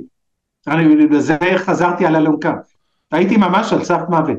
אני לא ידעתי שאני בישראל נהדר, אז אם הייתי מדבר ברדיו יודעים שאני חי, אבל לא רציתי לדבר כי ידעתי שאני צריך לדבר נגד הממשלה, אז לא הסכמתי לדבר, אבל היו כאלה שהסכימו. אבל אתה רואה, לפי הטון של הדיבור, האם הוא מזדהה עם מה שהוא אומר, או שזה אילוץ, שאילצו אותו להגיד את זה. רואים את זה במבט העיניים, בטונציה, יש אנשים שבלחץ הזה שאומרים דברים שלא מאמינים בהם, אז המילים שלהם לפעמים משתבשות וכדומה. ומה שקרה, המחבלים, החמאס התחילו לשחרר חטופים, ופתאום זה נעצר. למה זה נעצר? מפני שהם ראו שהסחורה שלהם שווה יותר. למה היא שווה יותר? כי בצד השני התחילו לתקוף את נתניהו, והתחילו להפגין נגדו, והתחילו לתקוף את גל הירש, זאת אומרת, הצד השני הפכו אותו לאפס, אז עכשיו הסחורה שלך שווה יותר, אתה מעלה, מעלה את המחירים על הסחורה שלך, ואז המצב נותן התפוצץ, הוא התפוצץ כמה פעמים. זאת אומרת, הפעולות של המחאה, של אה, אלה שעוטפים את החטופים וגם חלק מהם עצמם, נגד נתניהו, נגד הממשלה, נגד גל הירש, גרמו לסיכון חיים ממשי, ממשי, של בני המשפחה שלהם, בגלל שלא אמרו להם שלא ככה מטפלים עם חטופים שנמצאים בידי מחזיקי בני ערובה. זה סוג מסוים מאוד ספציפי שצריך להכיר את המקצוע הזה וצריך להשאיר את העניין הזה רק לאנשי מקצוע. יש אנשי מקצוע ולכן הם מובילים את הממשלה בדרך נכונה, לסגור עליהם לאט לאט וללחוץ עליהם. על ידי כך שאתה לוחץ עליהם, אז מי שמחזיק בבני ערובה יכול לנקוט באחת משלוש האפשרויות. זה הניסיון העולמי וזה חלק מההכשרה שאני עברתי. אפשרות אחת, להיכנע, להרים דגל לבן, להגיד, הפסדתי, אני נכנע, ואתה מוסר את בני ערובה. וקחו את החטופים, רק אל תהרגו אותנו. כן, רק כן, נכון, ואז אתה נכנע, זה אופציה אחת. אופציה שנייה, זה שאתה נלחם עד הכדור האחרון, ובדרך כלל גם אתה הורג את בני ערובה. זה קרה בעיקר, אה, היפנים היו נלחמו עד הכדור האחרון, אה, הגרמנים לא תמיד, מעט מאוד. אה, אני רוצה להזכיר שבבונקר של היטלר, מי שהתאבד זה היטלר ואשתו הטריה אווה וגם מי שהיה אמור להחליף אותו, גבלס, הוא הרג את, ה, את עצמו, את אשתו ואת הילדים שלו, אבל כל השאר נכנעו, כל מי, השאר הקצינים וה... אנשים שהיו בבונקר נכנעו. זה גם לא, מה שקרה לדעתי עם שר... אה, אה, איך קוראים לו? אה, וקסמן, נחשון וקסמן, כן, לדעתי. זה... נכון, אז זה במקרה שיש בן אדם אחד, פה יש לנו מאות. אז אפשרות שנייה זה שיילחמו עד הכדור האחרון ויהרגו. סבירות די נמוכה, אלא אם כן הם יקבלו פקודה כזאת להילחם עד הכדור האחרון, לא בטוח שכל החמאסניקים יצייתו לזה. צריך להבין שאין בית כלא. לכל החטופים, חלק נמצאים בידי משפחות, משפחות שלהם, ונמצאים מפוזרים, אחת הסיבות שיכלו לשחרר חטופה בהתחלה, בגלל שהייתה בידי משפחה, אני רוצה להזכיר לך שהצבא פר, פרזם כרוזים מעל עזה, כל מי שידווח לנו איפה יש חטוף, אנחנו לא נפוצץ את הבית שלו והוא יציל את חייו. אז התחילו לקבל מידע, אז לכן יכלו לשלוף אחת. אבל לשלוף הרבה זה, זה בעיה, יש כבר מידע, כי אנשים בעזה תורמים את המידע, אבל זה מאוד בעייתי. גם בטח להבין... רצחנו כמה, אני בוודאי חושב. אני... לא אני... יודע, אני לא רוצה להגיד כרגע אה, שום דבר, יכול להיות שהם רצו, יש כאלה שמצבם הגופני וה, והבריאותי אה, אה, אה, מאוד ירוד, אז זה, זה ברור שזה בעייתי מאוד מה שאני אומר. האופציה השלישית, אמרתי אופציה ראשונה, זה אה, להיכנע, אופציה שנייה, להילחם עד הכדור האחרון, והאופציה השלישית זה להתאבד עם בני הערובה. זה קרה בארצות הברית ובמקומות אחרים כמה פעמים, יש המקרה של גויאנה, יש המקרה של וייקו, וייקו זה היה, אגב הוביל את ארצות הברית לבנות את ההכשרה שאני הייתי בה, זה סיפור אה, מאוד מורכב, מי שיקרה, ייכנס לגוגל את הסיפור של וייקו, ויקרא את כל הסיפור של הזה, ויש גם את הסיפור של גויאנה, ויש עוד כמה סיפורים. מזה האמריקאים בנו את התיאוריה אה, המעשית, איך מתמודדים עם אנשים כאלה שעשויים להתאבד עם בני ערובה בצורה מחרידה. אז יש לנו את כל שלושת האפשרויות. כדי לנווט את זה נכון, צריך להשאיר לאנשי מקצוע את העיסוק בזה. זה לא עיסוק של המשפחות, ולא שמלווים אותם. הם רוצים להפגין, מצוין, שיפגינו מול המשרדים של הצלב האדום, מול המשרדים של אה, שגרירות טורקיה, ייסעו לארה"ב, יפגינו מול קטר, יפגינו באירופה מול המשרדים של קטר. שם זה מה שצריך לעשות. לא להפגין מול המשטרה, מול הממשלה ומול ביבי ומול אה, אה, אה, העוסקים בכך בתל אביב. זה תומך בחמאס ומגדיל את הסיכוי למותם של האנשים בגלל שהערך של הסחורה הזאת שנקראת חטופים עולה בעיניים שלהם. למה? כי הם רואים את הרשתות הישראליות רואים שיש הפגנות כאלה אז זה אומר אה הסחורה הזאת שווה הרבה הישראלים מפגינים אז עכשיו זה שווה הרבה יותר אנחנו רוצים תשחררו לנו את כל מי שנמצא בכלא או כל מיני דרישות תשלחו לנו דלק תשלחו לנו כל מיני אפילו אם דרשו נשק זאת אומרת זה דבר נהיה מטורף. אנחנו במו ידינו, בגלל שההתנהגות המופקרת הזאת שהתרחשה, שהסיקריקים השתלטו גם על הנושא של החטופים ומפגינים יחד איתם השתלטו, היה הפגנות גבוהות בירושלים, שהסיקריקים השתלטו על ההפגנה של החטופים, צריך להבין שזה דבר בלתי מתקבל על הדעת ואני מזהיר שוב ושוב, ואני כתבתי את זה עד עכשיו, אני חושב כבר 200 פעם, מי שלא מבין את הדבר הזה הוא יישא באחריות למי שלא יחזור חי, חד וחלק, שלא יהיה שום טעות, תקראו את השפתיים שלי, תקראו את מה שאני כותב, אני אומר דברים ברורים, אני אמרתי דברים ברורים לפני עשר שנים, לפני תשע, שמונה, שבע, כל הזמן אני חוזר. תקראו את מה שהשפתיים שלי אומרות, ואם לא תיישמו את זה, אל תבואו בטענות רק לעצמכם. אני... ואסור, אסור, אסור לזלזל בזה. הנושא שתדבר איתם, לפני שאני רציתי לצאת לשנייה לבדוק משהו, אה, אפשרי לדבר אז על, אה, אני אגיד לך מי, ראש שב"כ לשעבר, כן? יעקב פרי. אני זוכר שראיתי את זה נראה לי בערוץ 12, הוא דיבר על כך שצריך לקחת את החטופים ולהביא את כל האסירים המחבלים הבכירים שלנו והכל, את כל הכוחות, בשביל שנעשה את ה trade הזה. style גלעד שליט. עכשיו, מה שאני טוען, ואני מניח שגם אתה, שעצם העובדה שאתה עושה את זה, כמו עם גלעד שליט, אתה נותן תמריץ ש... טוב, אני צריך להפסיק, יש אה, אזעקה. אין בעיה. טוב, אז אני יוצא. אה, אוקיי, אין בעיה. למה הוא עף? אני לא זוכר, אה, תזכיר, אני אישית לא זוכר. הוא שיקר שהוא שירת בצה"ל והוא לא, שיקר, לא שירת. יעקב פרי לא שירת בצה"ל, אוקיי, מעניין. נכון. אז, אז, אז בוא נדבר על זה, כי, כי יש לך טענות כלפי... אז למה אתה מקשיב לו? אני לא הקשבתי לו. אז למה אתה שואל עליו? אסור לשאול את הסיקריקים על השטויות שלהם. ما, מה זה סיקריקים נקודה. למי שלא מכיר? זה קבוצ... אה, קיצונים, נכון? סיקריקים זה קבוצה שיש להם רק מטרה אחת, להפיל את ביבי, זה כל מה שהם רוצים. והם עובדים על זה שנים, שנים, עובדים על זה בהרכבים שונים, כל פעם תירוץ אחר. לא חשוב התירוץ, אבל התירוץ מאוד ברור. והוא התחיל, אני זיהיתי מתי זה התחיל, זה התחיל בקומה אחת במרכז הטכנולוגיה חינוכית לפני כ-30 שנה, נגד שמיר אז היה, ראש הממשלה, והם הצליחו להפיל אותו. המושחתים נמאסתם, הומצא אז, 1980, אנחנו היום ב-93. זה היה הפעם הראשונה שהייתה התארגנות, זו אותה קבוצה, מתגלגלת, מוסיפים עליה אנשים, ברק הצטרף קצת יותר מאוחר, אבל זו אותה קבוצה, פועלת uh, כל השנים, במטרה אחת להוריד את הימין. למה? הם חושבים כן. ומאמינים שהימין גנב להם את השלטון, למפאיניקים. זה המחשבה שמלווה אותם, והם ככה חיים. ופרי אותו דבר, והוא אומר שטויות, למה? כי הוא כן עבר קורס למשא ומתן עם חוטפי בני ערובה. והוא יודע שאסור לך להגיד מראש מה התמורה שאתה תיתן, אפילו שאתה הולך לשוק, אתה לא אומר לסוחר כמה אתה מוכן לשלם, אתה מתווכח איתו על המחיר, אבל הוא לא יודע כמה אתה מוכן לשלם. אז אסור לך להגיד מראש מה אתה מוכן לשלם, יתרה מזאת, זה הדבר הכי מטומטם, שאתה אומר אני אסכים לשחרר את כל המחבלים מבית הכלא בישראל, והם ילכו למנהרות ושם אני אהרוג אותם אחרי זה. תגיד לי, אתה מטורף?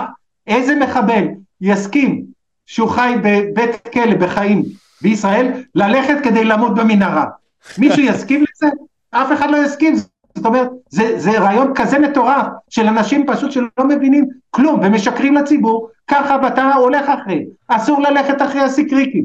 אני- חד וחלק, ש- איך מבדילים בין שקר לכזב, ללא שקרן, צריך לבדוק איפה הוא קיבל הכשרה, מה הוא עשה, מה קרה, חמש דקות אתה מיד יודע אם הוא שקרן או לא. אבל אתה מבין, אוקיי, אני, אני לא שופט אנשים לפי סיקריקים, אוקיי? אני שופט אותם אני לפי דברים שופט אותם שהם... חד וחלק, מפני שאני רואה איך הם משקרים. אני מבין מה אתה אומר, אני אישית לא הסכמתי עם הדעה שלו, אבל אני אומר, כשראש שב"כ לשעבר אומר את זה, אתה אומר משהו מוזר פה, כלומר, ה- ה- ראש הדג מסריח. נכון, לא מוזר. אחד, בוודאי. מה זאת אומרת?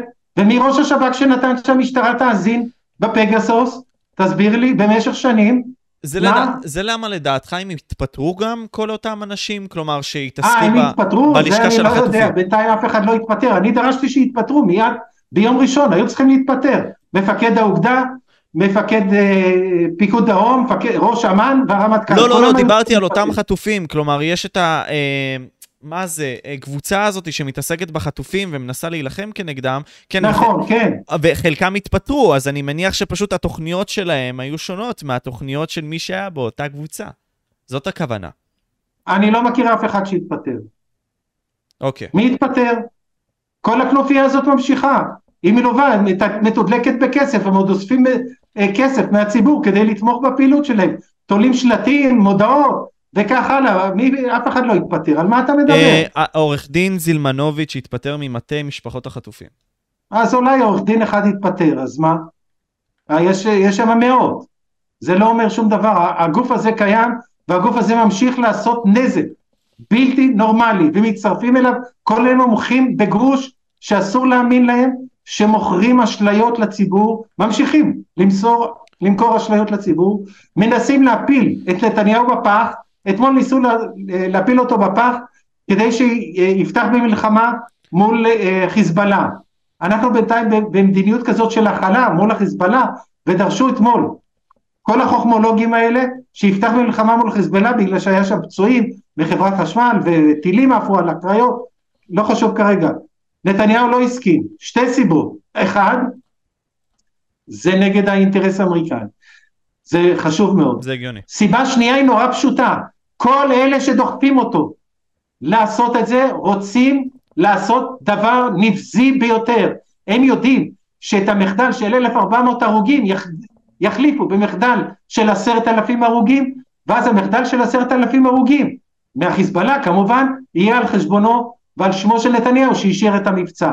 זה מה שהם רוצים, זה דבר הכי חמור, שהם רוצים להחליף 1,400 הרוגים בעשרת אלפים או עשרים אלף, אולי מאה אלף הרוגים, כי זה, הם יראו בכל, יש להם 160 אלף טילים, וטילים של ממש, לא החננה של החמאס והג'יהאד האיסלאמי, טילים שפוגעים והורגים ועם המון חומר נפץ, ואין מערכת שתעצור בהתחלה, אין מערכת, ואין צבא גם, בסדר גודל שיעצור את זה, אז הוא לא נפל לפח, כי הם רוצים להפיל את האשמה באסון עוד יותר גדול עליו.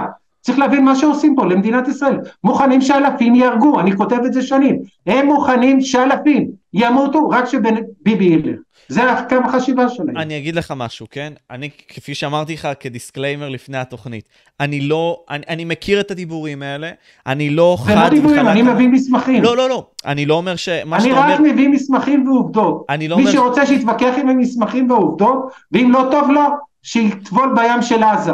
אני לא אומר שאתה טועה, אני אומר דבר אחר. אני שומע את מה שאתה אומר, בנוגע לעניין הזה של רק לא ביבי, וזה מה שאתה בסופו של דבר גם נלחם איתו בנוגע לתיק, לתיקים האלה שהיו על ביבי, כן? אבל אני באמת שואל, אתה יודע... היו צריכים לסגור אותם, השופטים אמרו לסגור את כל התיקים, אני, אבל הם לא סגרו. אני אומר את זה בתור האזרח האדיוט, כן? עד כדי כך אתה אומר שהמחנה של השמאל שונא את ביבי לא כל. מחנה, יש בשמאל אנשים ישרים גם כן, זה לא, לא רק יפה. יפה, יפה שנתת את זה כדיסקליימר. זה למה אני אומר, כמה אנשים שהם בצמרת של הביטחון שלנו, הם אנשים שיעשו הכל, גם אם זה לרצוח ולהרוג בצורה עקיפה הרבה מאוד אזרחים, רק שלא יהיה ביבי, והכוח יינתן בידיים שלהם. זה מה שאתה אומר. בוודאי. אני עכשיו נלחם, והתחלתי בזה לפני המלחמה, בנושא שנקרא קטגית. שיש טענה מוכחת במסמכים מקנדה החדשה. אתה יכול לקרוא מה זה קטרגט. ניסיון למכור מערכת ביון לקטר. מי גנץ וב, וברק, בן ברק. הכל מתועד, לא חקרו את זה, למה? אתה יכול להסביר לי? אני לא יודע. מה החשיבות אז- של זה ב- ב- ב- בהסתכלות הרוחבית? מה מה זה החשיבות? חלק מה- מהמחשבה המטורפת שהאויבים שלנו הם ידידים שלנו, ואפשר לעשות מזה גם כסף. אבל רגע, אז, הכל. אז, אז בואו נדבר על זה, כן, על אותם הסכמי, הסכמים אה, ישראלים ערביים, כן? עכשיו, ההסכמים האלה, נראה לי זה גם החזון של נתניהו, כן? עם הסכמי אברהם זה התחיל, נכון? לא, לעשות- הסכם אברהם זה נעשה עם ידידים. זה הבדל גדול מאוד, קטר זה מדינת אויב שתומכת ב... מה אתה מבלבל בכלל? זה לא נכון מה שאתה אומר. לא, לא, לא, יכול להיות ש... עוד פעם, אני לא מנסה להעביר פה שום דבר. ההסכמים נעשו עם ידידים, סעודיה עכשיו רוצה להיות ידידה שלו, מה הקשר? קטר זה מדינת אויב, תומכת חמאס, תומכת איראן, מה הקשר? הם אוקיי. רצו לעשות עם קטר, לא עם הידידים שלנו, זה פשוט עיוות של המציאות. נתניהו עשה הסכמים עם ידידים, זה הכל, והם אגב נשארו ידידים, גם עכשיו היה ועידת פסגה, הם לא היו מוכנים להצהיר את ההצהרות האלה שיצאו שם נגד אה, מדינת ישראל ונגד ארצות הברית, למה?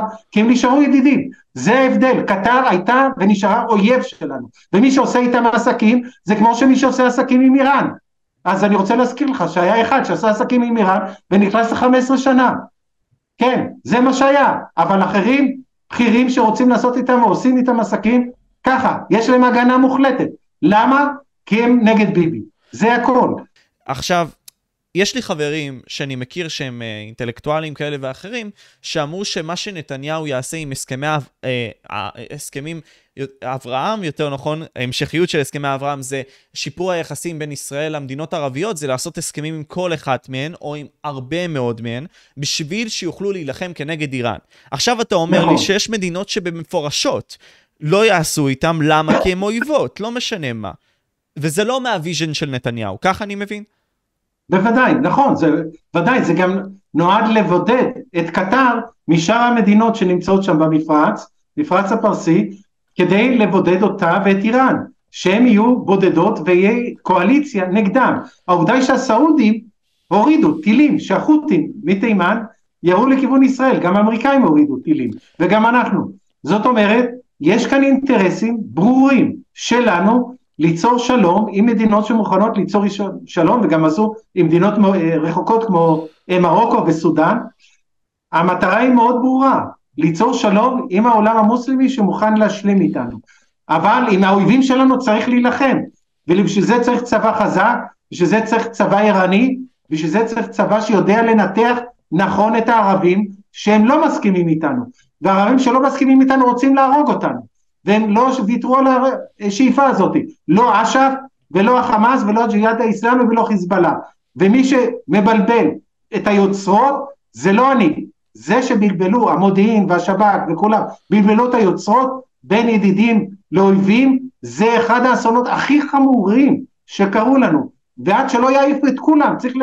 מהאקדמיה וזה, זה, זה, צריך להבין שמאות האנשים עובדים נגד החיים שלנו, הם מוכנים שאנחנו נמות, רק שביבי לא יהיה. צריך להבין את תפיסת העולם המטורפת הזאת. ואם לא נילחם בתפיסת העולם המטורפת הזאת, אז יקרו. ואנחנו עכשיו כמעט נפלנו, ביבי לא נפל אתמול עם חיזבאללה. יכול להיות שלא תהיה ברירה, נכון ל-12 ל-11, אנחנו כאילו מדברים על ה-12 ל-11, היה דברים שנתניהו דיבר עליהם, נכון? זה מה שאתה מתכוון. לא, לא, מה שהיה אתמול. אוקיי, מה היה, תסביר מה היה אתמול. אמרתי, אתמול הצבא הציג לנתניהו תוכנית להילחם בחיזבאללה, גם דובר צה"ל דיבר על זה אתמול שיש תוכניות מוכנות לביצוע, מיידי. אבל ביבי לא הסכים, וציינתי למה.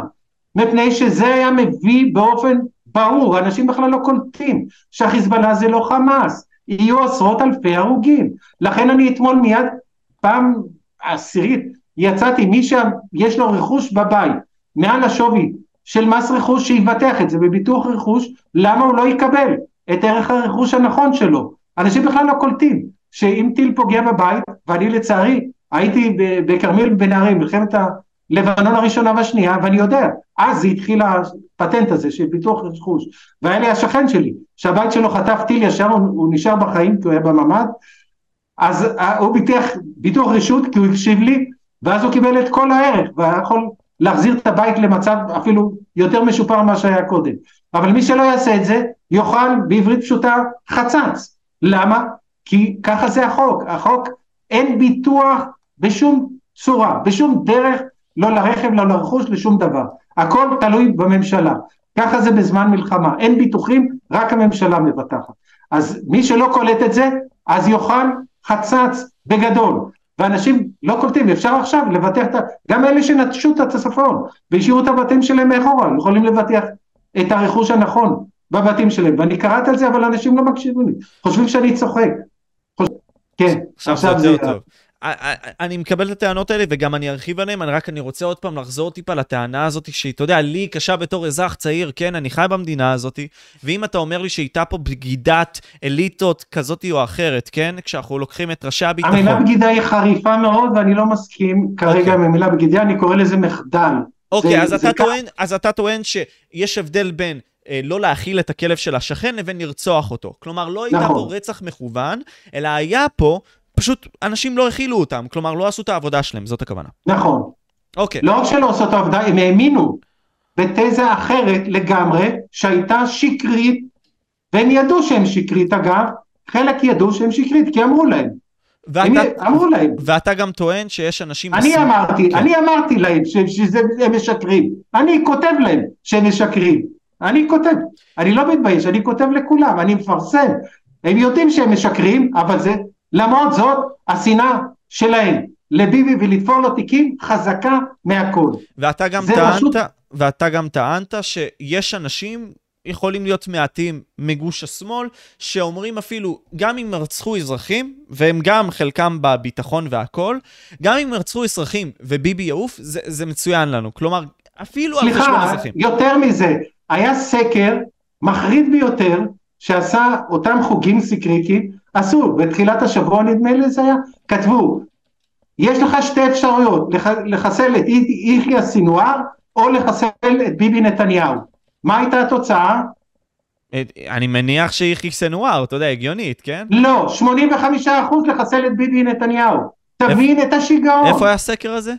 היה סקר בטוויטר שלהם, הם עשו סקר בקרב החברים שלהם, והתוצאה הייתה 85% כתבו, הצביעו של לחסל את נתניהו, זאת אומרת לחסל את נתניהו יותר חשוב מלחסל את יחיא סינואר, צריך להבין עם מי אתה מתעסק, אנחנו מתעסקים כאן עם תפיסות עולם מטורפות, אגב יש על זה מחקרים, יש סרטון מאוד יפה של אה, קרל טלסון בארצות הברית שראיין אה, פרופסור בלגי בנושא הזה, מי שרוצה יקרא, והוא מסביר את, את הנושא הזה נקרא פסיכוזת המונים, אנשים אה, ממצב נפשי מסוים סיטואציות מסוימות נכנסים לפסיכוזת המונים, זה קרה המון פעמים בהיסטוריה, גם ביפן, גם בגרמניה, גם במקומות אחרים, שבהם הם מתחילים להאמין בדברים שהם לא הגיוניים ולא מתקבלים על הדעת, ואז מוכנים לעשות דברים לא הגיוניים.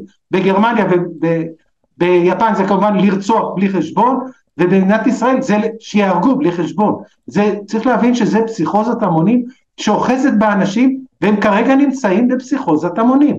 צריך לנפץ את זה על ידי שידור של האמת. זה, זה המחקרים מראים, אם משדרים את האמת, יש אנשים משתכנעים ולאט לאט זה נופל. אם היה בגרמניה או ביפן הפגנות נגד התוכניות של היטלר או של הקיסר הירושיטו בצבא שלו, אז לא הייתה מלחמת העולם השנייה. אבל לא היה. אז לכן צריך, היו קצת, אז כל מי שהפגין הרגו אותו, שיצא נגד היטלר, תלו אותו. אז צריך להבין שההריגה של פסיכוזת ההמונים היא רק על ידי שידור האמת, ומה שאתה עושה זה תורם לשידור האמת, ואני מקווה שיהיו אנשים ש, שיבינו, שאם מפיצים את האמת, והאמת היא לא בערוצי השנאה, 11, 12, 13, יש 14 פחות או יותר ערוץ בסדר, ויש גלי ישראל שהם בסדר גמור. זהו, כל השאר מפיצים שקרים, כמות, אני מקבל כל יום בסביבות בין 5 ל-10 פניות עם חומרים, הנה סיפור כזה, סיפור כזה. היה סיפור, התחיל ביום השלישי נדמה לי, לאחר המלחמה, של אבא אחד שהופיע, נדמה לי זה היה ערוץ 12, שחטפו את התצפיתניות במסוק. וזה הסתובב איזה שלושה שבועות, הסיפור הזה, שהתצפיתניות נעלמו כי חטפו אותם במסוק. ואני כל הזמן כותב לאנשים חברים, זה לא היה דבר כזה. בסוף מצאו את הבת שלו, שנהרגה, אבל זיהו את הגופה שלה לאחר חודש. מאוד עצוב. אבל בגלל שהאבא היה כל כך לחוץ ומישהו לא הזין אותו באינפורמציה והוא שידר בטלוויזיה וזה הפך להיות כאילו עובדה שחטפו תצפיתניות במסוק. אז אתה רואה שהשקרים נבנים מכל מיני סיפורים שנבנים בערוצים האלה, ואם לא תקשיבו לערוצים האלה אז לא תהיו ניזונים מראש השב"כ לשעבר, מראש זה לשעבר, ראש זה, איפה כל החכמים האלה לפני המלחמה? למה הם לא ידעו שיש מלחמה? למה אני ידעתי? למה בריק ידע? למה עוד אחרים? למה צבי יחזקאלי ידע? כי אנחנו ידענו, כי אנחנו קוראים דברים פשוטים ומבינים אותם, וידענו שרוצים לרצוח אותנו. וגם דיברתי על החבר כנסת בן ארי. זה נורא פשוט, אתה רואה שהבן אדם מולך אומר, אני רוצה לרצוח אותך, תאמין לו, זה הכל. פשוט מאוד. אנחנו לא היינו מסונברים מכל השטויות שלהם, של ביבי שמיבי, שרה וזה. זה בכלל לא שייך לעניין. איך הצליחו לשגע את המדינה בדבר אחד מטורף, שאין לו בסיס במקום לחפש את האויבים, שיאבדו את כל המערכות המודיעין ואחרות, לחפש את הדברים הלא נכונים, ונכנסו לתוך חשיבה, ואז הצבא לא היה קיים. תותח אחד לא היה סביב רצועת עזה. היה שם סך הכל שני גדודים, ועוד אחרי זה הפיצו שקר שהעבירו גדודים לחווארה כדי להגן שם על המתנחלים. לא היה ולא נברא, פשוט אה, כל הצבא היה בחופש. בחווארה היו כוחות, אבל מקומיים. לא העבירו מה, מרצועת עזה. רצועת עזה נשארה מופקרת, מופקרת. מאיפה הגיעו טנקים? מטנקים מגבול מצרים, טנקיסטיות אגב, שהגיעו, היה קצת טנקים בפנים. כל הטנקיסטים, אם מישהו ראה איך כבשו את אה, מתחם החטיבה, כל הטנקים עמדו בזה, ככה, בשורות, דוממים, ככה. אני, אני רוצה לסדר שנייה את השיח, אני, אני מבין ומרגיש את מה שאתה אומר. אה, יש אנשים גם, אם דיברת על כל העניין הזה של האמת, לא יראו מבעד לצללים של מערת אפלטון, לא יראו את אותם גופים. אני מקבל את זה ומבין את זה. אני רוצה שנייה שאנחנו ניקח טיפה תפנית ליום של האחרי, כן? כי יש הרבה מאוד דברים, גם יש את הבן אדם הזה שבא והקשיב לאותם תדרים שלהם, וידע את המידע הזה, פנה לצבא, ובסופו של דבר הצבא לא עשה עם זה כלום. כלומר, דחה את מה שהוא אמר. כן עשה, גרס את זה. מי? גרסו את זה, זה יותר גרוע, גרסו. כמו שגרסו את התלונות שלי, גורסים. זה גריסה, זה דבר יותר חמור, זה חלק מהמחדל. אתה מקבל מידע נכון ואתה גורס אותו. אתה חושב שזה איננו, על ידי כך שאתה גורס אותו, זה מה שעשו, גרסו מידע אמיתי, במקום כן. לפעול לפיו, זה חמור, זה חלק מהמחדל, אני לא קורא לזה בגידה, אני קורא לזה מחדל, כי זה לא בגידה, בגידה זה שאתה החלטת לעזור לאויב, לא החליטו לעזור לאויב, אבל לא אכפת להם שאנשים ימותו פה, רק לא, לא לקלקל להם את השלווה הנפשית שהם הולכים לבלות בערב החג, זה הכל. רפאל חיון קוראים לבחור הזה. אני, נכון. אני רוצה שאנחנו נעבור בבקשה לנושא אחר, כן? ליום של בבקשה. אחרי. אני פה באיזה שהן טלטלות מאוד מסובכות, כי לא דיברנו אפילו על המצב הכלכלי. יש פה אנשים אה, שבמלחמה אומרים שלא משנה כמה המלחמה תמשיך, אנחנו בסדר כמדינת ישראל, אבל שוב, אנחנו לא, אפילו לא דיברנו על זה, כמה כלכלית אנחנו נהיה בבור ככל הנראה בעקבות המצב הזה. זה דבר ראשון. דבר שני, אנחנו מדברים על המצב עם נתניהו ועם התיקים עצמם. מה יהיה לאחר מכן? כי אני. קודם כל לא יודע אם התיקים יתחדשו, לא יכול להתפנות כדי לעסוק בהם. לפי דעתי צריך לעצור ולהישמע לשופטים. השופטים הודיעו כבר לפני שלושה חודשים שאין שוחד, שזה העיקר, בלי זה אין תיקים, וחוץ מזה את כל התיקים האחרים צריך לסגור. יש את המסמך הזה, הפרקליטות חייבת לעשות רוורס ולסגור את העניין.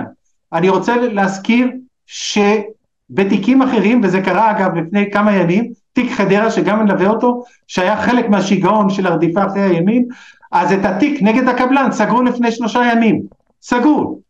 אז נשאר רק התיק נגד ראש העיר. אז איך הקבלן זה נותן את השוחד, סגרו לו את התיק, אז מה נשאר ראש העיר?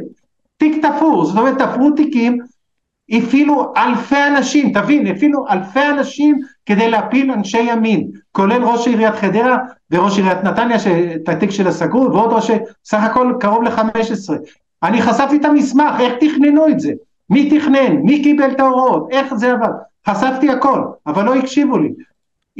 הפעילו אלפי אנשים כדי להוריד את הימין בכוח, זה מה שעניין אותם, וזה מה שמעניין אותם אגב גם היום.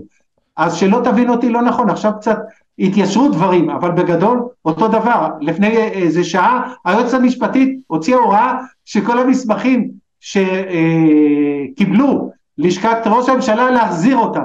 סליחה, זה מה שמעניין אתכם כרגע? זה מה, מה בכלל זה עסקכם, המסמכים האלה? זאת אומרת, הם רוצים עוד פעם לטייח את האמת. כל מה שמעניין אותם לטייח את האמת, כי הם אחראים למחדל, ישירות, באופן אישי, כל אחד שרצה להסיט את העיניים של מדינת ישראל מהאויבים שלה לעבר אה, הפלת ביבי, תרם באופן בולט, חד ערכי, למחדל הנוראי הזאת שהמדינה הייתה מושמדת, מושמדת. בכמה שעות, המזל שהיו אמיצים, בעיקר אמרתי שוטרים, חיילים ואנשי כיתות ואזרחים כמובן, שנלחמו והחזירו את השפיות, שאיכשהו גמרנו את זה עם, עם 1,400 הרוגים ולא אה, יותר. זה, כן. זה פשוט, אני לא ישן בלילות מה... אני יכול להבין, הזאת. אנחנו מדינה לגמרי בטראומה בשלבים האלה, ואנחנו ניגע בזה. נכון, היה דיווח היום שלקחו יוצאי המסיבה, אנשים שניסו במסיבה בכפייה, עכשיו מאשפזים אותם, כי הם פשוט אה, אה, נמצאים במצב נשים מטורף. צריך להבין מה נעשה כאן לאנשים במדינת ישראל. זה, זה פשוט, אי אפשר לעבור את זה לסדר היום ולחשוב שכאילו זה עבר. ועוד יש חכמים, לא סתם, אברמוביץ' היה הראשון, אומרים לא צריך ועדת חקירה, ביבי השם לא צריך לחקור. סביר להניח שאתה שואל מה יקרה אחר כך? לא יודע. מתי תיגמר המלחמה? לא יודע. מה היה תוצאות המלחמה? לא יודע. האם תהיה ועדת חקירה? לא יודע, לא בטוח שתהיה. זאת אומרת, אנחנו נמצאים פה בשאלות שהן ממש מטומטמות, כי לא יודעים כלום, ואנשים, יש להם כבר תיאוריות מה יקרה אחרי המלחמה. איך? אתה לא יודע כלום ואתה כבר יודע מה יקרה אחרי המלחמה? מי המטומטם שכל יום בטלוויזיה אומר מה יקרה אחרי המלחמה שאתה לא יודע מה יקרה מחר, מה אתה תראה עוד שעה? אני ידעתי שיהיה אזעקה עוד, אתמול לא היה אזעקה. זאת אומרת, אנחנו לא יודעים כלום, ואנשים מנחשים מה יהיה בעוד שנה, שנתיים, שלוש. בינתיים הבחירות הבאות 2026, 2026. אז תמתינו בבקשה עד 2026, אז נדבר.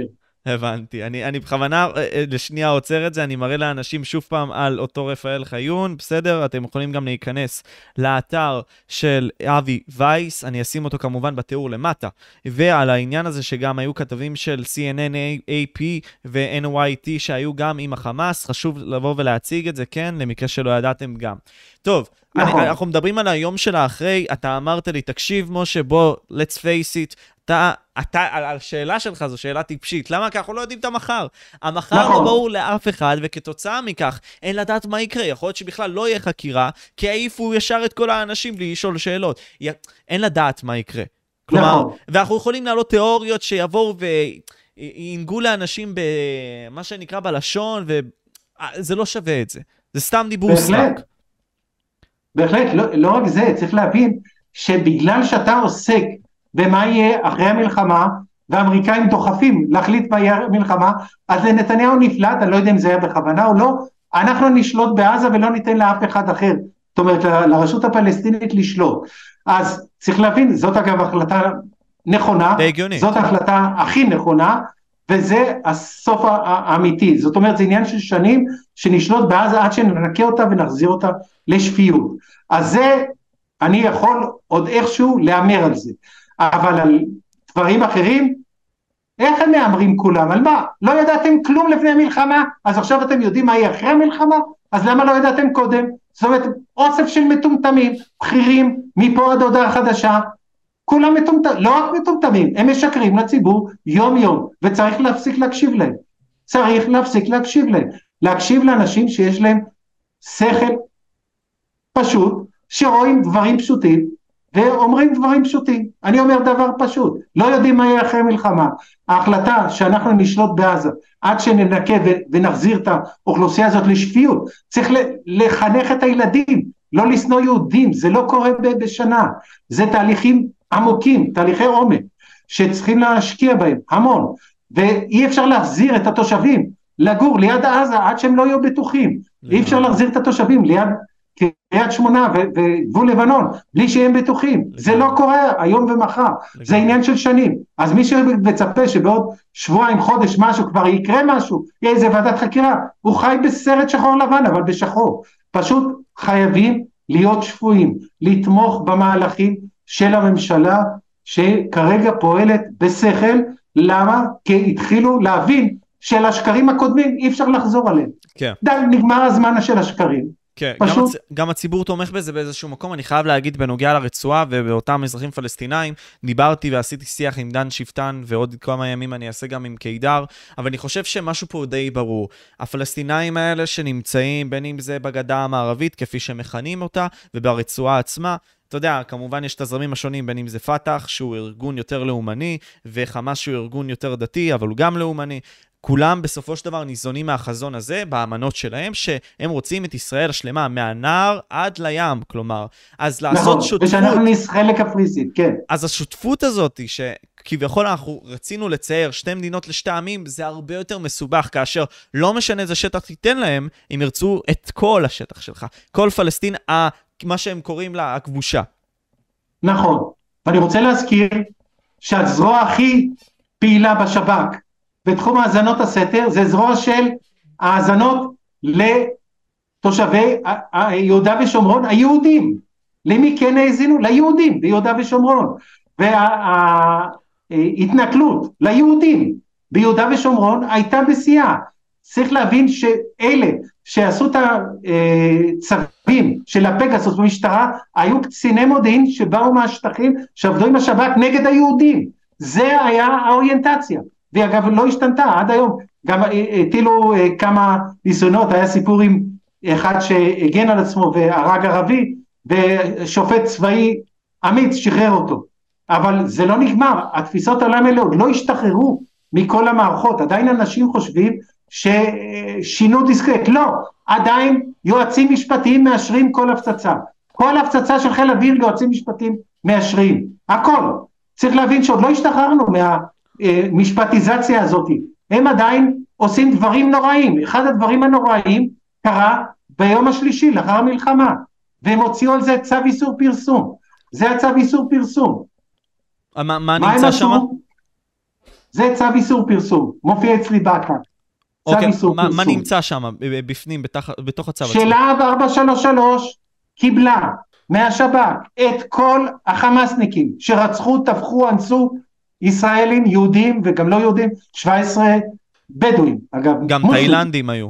גם תאילנדים הרסו, כן, ודאי, אבל כרגע זה חשוב שהם הרסו ושחטו ואנסו בדואים, כולל נשים בדואים מסורתיות, עם לבוש בדואי, עם תינוקות, הרגו אותם. אז החמאס, כל הנבלות האלה הועברו מהשב"כ למשטרה והוכנסו לשירות בתי הסוהר והיועצת המשפטית לממשלה השתלטה על החקירה במקום להעמיד אותם לדין מהיר ובית דין צבאי ולתלות אה, גזר דין מוות על כל מי שהודה, זה הכי פשוט, מי שהודה שהוא רצח תינוק, רצח ילד, רצח זה, וזה ישר, גזר דין מוות, ועכשיו הם קלף, סיפרתי קודם על קלפים מול חוטפים עם בני ערובה, זה קלף, אתה אומר הנה החברים שלך, תפסנו אותם הם עכשיו אצלנו, ויש גזר דין מוות על ראשם. מה עשתה יועמ"שית? לקחה את כולם, העבירה אותם ללהב 43, עכשיו כל להב 433, כל אלה שעסקו במשך עשור נגד ביבי, עכשיו כולם עוסקים עם המחבלים, כל להב 1,600 איש עוסקים עם המחבלים, חוקרים אותם, חקירה לא נכונה, ומביאים אותם לבית משפט אזרחי, הארכות מעצר. היה לנו סיפור עם שופט שלא רצה להאריך מעצר, שהמחבל היה עם דגל המדינה מאחוריו. מטורף לגמרי. מביאים אותם לבית משפט אזרחי והם מגישים בג"צים ויעשו משפט זוטה ולא עשו שחזורים ו- והם יצאו זכאים עוד. צריך להבין את הדבר המטורף שעשו ולא יהיה דין, דין מוות. שאלו את גנץ במסיבת העיתונאים אתמול, האם אתה בעד גזר דין מוות? הוא אמר שהוא לא, לא עונה. זאת אומרת לא יהיה גזר דין מוות, למה גנץ וסער הם מפעילים את היועצת המשפטית. זאת אומרת גם את הקלף הזה של גזר דין מוות על המחבלים המתועבים האלה לא יהיה. למה? צריך להבין דבר פשוט, תחשוב כרגע, נניח אני מחבל, אני אומר כן, אני רצחתי תינוק, נכון? איפה התינוק הזה? צריך להוכיח שרצחת מישהו, מי התינוק? צריך לעשות שחזור, שת, שתלך ליישוב, תגיד הנה פה בבית הזה רצחתי תינוק, אז יודעים מי התינוק, אבל הוא יגיד, מה הוא יגיד במשפט? עינו אותי ואני סתם זרקתי ואני לא יודע, לא הרגתי שום תינוק, מי התינוק? לא יודעים, כי לא חיברו את זה, ואז הוא יצא זקן. צריך להבין שברגע שאתה עובר למערכת משפט אזרחית, כמו עם דמיאניוק, לא הצליחו לחבר אותו לעובדות במחנה, אז הוא שוחרר. מטורף לגמרי, ועוד הוציאו צו איסור פרסום כדי שלא נפתח את הפה, אבל הפרקליטות בגלל הלחץ שלה פרסמה והרסה את הצו איסור פרסום הזה, אבל את האמת היא לא יכולה להסתיר, שהם מחזיקים, עכשיו היועמ"שית באמצעות פרקליטים מלווים, מלווים את להב 433 בחקירה של המחבלים שנתפסו שבידיים שלנו, שנמצאים בידי אה, אה, אה, שירות בתי הסוהר. יתרה מזאת, בן גביר, מרוב השטויות שהוא מפטפט, הוא אמר, אנחנו כולאים אותם עם הזיכונים בחדר וזה, ולוחצים אותם, וצילמו גם כל מיני תמונות מגעילות שלהם. למה היית צריך לפרסם את זה? מה המשמעות של הדבר הזה? שהחמאס רואה ועכשיו הוא יעשה אותו דבר אצלו, לחטופים שלו. כן. צריך להבין את המשמעות. אתה מספר מה אתה עושה אצלנו, הם מיד יעשו יותר גרוע. ויכול להיות שחלק מה, מהחטופים ימותו בגלל הפרסום הזה. צריך להבין, אתה עושה פעולות שאתה מביא למוות של אחרים. אני חייב... איזה חוסר אחריות יש אצלי. זה גם ברשתות היה ככה, חיילים שלנו שפרסמו סרטונים ממני ממטרה, עם אותם מחבלים שהם עם כיסויי עיניים עומדים ככה, נכון. סרטונים שלהם משתינים, אתה עכשיו אומר לעצמך, זה ממש, נכון, אתה עוזר לאויב. נכון, מה אתה מצפה שיקרה בצד השני? כן? מה אתה מצפה שיקרה בצד השני? צריך להבין, זה, זה, הטירוף הזה שהתחיל קודם, נהיה מטורף לגמרי. אבל, אבל רגע, בוא נראה... כן. אין שליטה מרכזית על כלי התקשורת. ויש יכולת לשתות על כלי התקשורת, זה תפקידו של שר התקשורת. יש שני חוקים שבהם שר התקשורת יכול להשתלט על כל הערוצים ולשלוט מה משודר ולהביא דבר הממשלה. כמה שעות שהוא רוצה, וזה חוק פתוח שפועל רק בזמן חירום, אבל לא הפעילו את זה. אז כלי התקשורת משתוללים, מציגים דברים שהם אסורים, וככה זה נראה. הברדק בתחום התקשורתי בישראל הוא פשוט גם כן המשך של אותו מחדל. שר התקשורת, אה, לא יודע, נמצא בקומה, חושב שכלום, גם אל-ג'זירה הבטיח שיסגור, לא סגר, ואז הדבר הכי בסיסי במלחמה, לשלוט בכלי התקשורת שלך, ויש חוקים לזה, לא הופעלו. אז מה התוצאה? אנשים מקשקשים, מדברים שטויות, אחד מדבר שהיינו צריכים לזרוק פצצת אטום על עזה, שזה ממש מטורף, אז אין גבול לטירוף של האנשים שלא יודעים לשמור על הלשון ולא מבינים מה המילה עושה לצד השני. הצד השני מקשיב לנו, והם כן אוספים מידע גלוי עלינו, הם אספו גם כל הזמן מידע גלוי עלינו, אז לכן צריך להבין שיש לזה השלכות ישירות על הצד השני, וזה גורם לך נזק ממשי, ממשי שיכול לעלות ועולה בחיי אדם. אני חייב אבל להגיד לגבי העניין הזה של עונש מוות, כן, אבל אני חושב שזה חלק מהשיטה הדמוקרטית הזאת של עד שאת, עד, כאילו, אה, עד שלא יודעים שאתה עשית את זה, אתה לא, אתה לא נפשע, כלומר, לא יכולים להוכיח לך את זה, אבל זה מעכב את זה, אבל אתה טוען שהיו צריכים על המקום להגיד, אתה רצחת, that's it וזהו.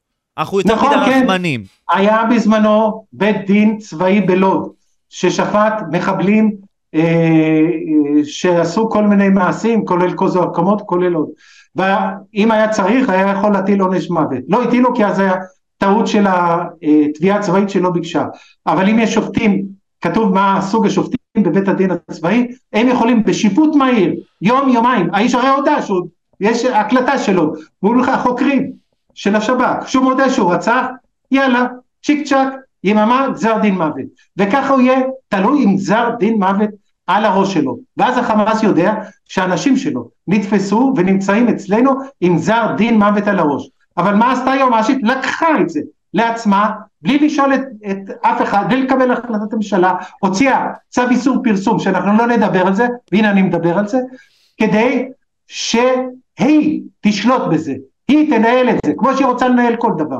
נכון, וזה התוצאה האומללה של חוסר המשילות, של חוסר יכולת להבין שקרה כאן אסון וצריך לתקן את האסון הזה גם תוך כדי המלחמה. כמו שהצבא תיקן את עצמו מהר מאוד וגם השב"כ תיקנו את עצמו מהר מאוד ויפה מיד אחרי המחדל, ככה המערכות המשפט גם היו צריכים, אבל לא, זה ממשיך. אנחנו עדיין מערבים. אז עכשיו מה 433, כל ה-1600 כן. איש עוסקים, במקום בביבי עוסקים עכשיו במחבלים, מה פתאום, זה, זה עסקו של להב 433 לחקור מחבלים שרצחו ואנסו ועשו פשעי מלחמה ברמה הכי מחרידה, זה התפקיד שלה, באמת, זה, זה פשוט מטורף, מטורף, נהיה הכל מטורף, ואני יכול לצעוק מפה עד הודעה חדשה, אבל זו החלטה שכבר רצה, רץ, אז- בבתי אז- משפט. אז, אז אני עוצר אותך ממש שנייה. אנחנו בסופו של דבר, מה שאתה אומר לי, אנחנו בוחרים, אנחנו נמצאים באיזשהו מלכוד, מלכוד מערבי לבין מלכוד של מזרח תיכון, איך להתנהג. ואנחנו בוחרים נכון. בהרבה מאוד מהמקרים, לפחות עכשיו אנחנו טיפה שינינו את זה בגלל המחדל והכל, שאנחנו נתנהג טיפה מזרח תיכונים, אבל עכשיו אתה אומר לי שאנחנו עדיין מתנהג, מתנהגים מערבית, וזה לא נכון, נכון. בסיטואציה הזאת, במיוחד במלחמה, ובמיוחד אחרי מה שאותם אנשים שהם תתי אדם, כלומר, עשו.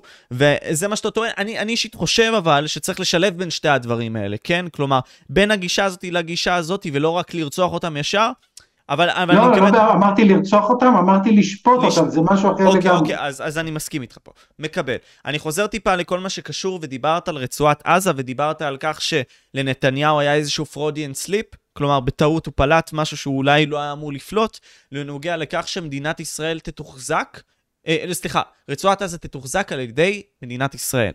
ופה נכון. דן שפטן אומר, אה, ראיינתי אותו פשוט, הוא אמר, ואני די הסכמתי איתו בנוגע לזה, שכל העניין הזה של מדינות מערב שנכנסות לתרבות המזרח תיכונית הזאת באיזשהו מקום הקולוניאליסטי כביכול הזה, החינוכי הזה, תמיד מביא לאסון. כלומר, לוב מביא לאסון, סוריה מביא לאסון, אפגניסטן מביא לאסור, כל אותם עיראק. כן, נכון. עיראק, נכון.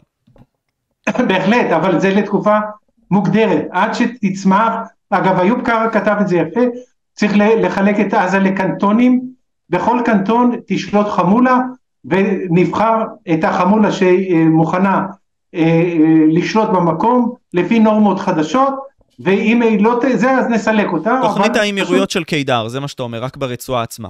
כן, נכון, בדיוק, זה הרעיון של האמירויות שקידר מזמן, זה לא חדש, וזה הפתרון שגם איוב קרא השמיע. אני מסכים איתו בעניין הזה, והוא מבין בהחלט את התרבות אה, העזתית, וזה נכון. אז זה הסיפור, אבל זה בינתיים ייקח זמן, ייקח שנים, זה לא מהיום למחר, אתה מדבר על אוכלוסייה שצריך להוציא, לעקור ממנה את החשיבה הזאת שיהודים צריך לטבוח, מלמדים את הילדים מגן, ו- ועד האוניברסיטה, שאת היהודים צריך להרוג ולשחוט. אז אה, בסיטואציה הזאת אתה צריך ליצור דור חדש של מנהיגים שיצאו מזה, מה- מהמשבצת הזאת ויוכלו לקבל אחריות על עצמם. אם לא, תדע לך שרוב העזתים רוצים לברוח, רוצים לברוח לטורקיה, אז תן להם לברוח לטורקיה. אז אה, אני לא יודע, אה, ראש ממשלת סקוטלנד אמר שהוא מוכן לקבל אותם. אז זהו, אז ננקה את עזה מה, מהתושבים, אז יהיה להם נכבה שלישית. אז הסיפור הזה הוא סיפור כל כך בסיסי של אי הבנה מי האויב שלנו, איך צריך להתנהג אליו, איזה חוקים צריך להפעיל. אנחנו נמצאים במלחמה מטומטמת. למה? כי מנהלים אותם מטומטמים. אותם אנשים שטעו קודם ממשיכים עכשיו, אז חלק באמת הפיקו לקחים מעטים, אבל הרוב לא. אבל אני. הרוב ממשיכים באותו טמטום. אני... וזה כן. בעיה חמורה מאוד. כל עוד לא ננקה את הטמטום, את התפיסות עולם המטורפות, שאפשר לנהל משא ומתן עם אנשים שרוצים לחתור לך את הגרון ולאנוס אותך, אז כל עוד אנחנו נחיה במצב כזה, זה יימשך. כל עוד נחשוב שאנחנו לא צריכים מערכות מודיעין, הכי בסיסיות, מודיעין גלוי, תאסוף מודיעין גלוי, תדע הכל. והם חשבו שזה הכל, פירקו את הזה של המשטרה, של השב"כ ושל הצבא, את, יחידת האיסוף של הצבא. הייתה ס- יחידה שלמה שעסקה במודיעין גלוי, ופירקו אותה ב-2021. פשוט פירקו, אמרו לא צריך. מה, מה זה השטויות? יושבים נכון. מודיעין גלוי, יושבים על האינטרנט, יושבים רואים טלוויזיה, מה זה, זה, זה, לא, זה לא מודיעין. אנחנו, יש לנו כלים מתוחכמים, כל הכלים המתוחכמים לא עבדו. אז מה, אתה יודע, זה פשוט אנשים שהם נכנסו לטירוף מערכות מוחלט, מוחלט, השתעבדו לתפיסות עולם שהן לא הגיוניות, לא מבוססות על כלום. יותר מזה, במלחמה הקודמת השב"כ אמר שיש לנו פערי מודיעין, ושמתי בכתבה שלי את הלינק למי אמרו ומתי, זה מופיע בדוחות. יש לנו פערי מודיעין בעזה, יש פערי מודיעין, זאת אומרת אנחנו לא יודעים. ומה קרה בעשור האחרון? במקום לעסוק בזה, השב"כ עסק בנושאים מטור- מטורפים אחרים, לא התעסק באויבים שלנו. זה דבר לא נורמלי, ולכן ביום שבת לא ידעו שיש התקפה של אלפי אנשים. אז שלחו צוות אחד קטן לטפל בחוליה של שניים שלושה איש ולא במלחמה. אני רוצה לשחק לשנייה את פרקליט השטן ברשותך. אנחנו דיברנו על נתניהו, ובאיזשהו מקום, אתה יודע, אני מנסה להסתכל על זה בצורה מאוד הוליסטית והכל, ולהגיד, אינדיבידואלית על פי המעשים, מי בדיוק עשה דבר לא נכון.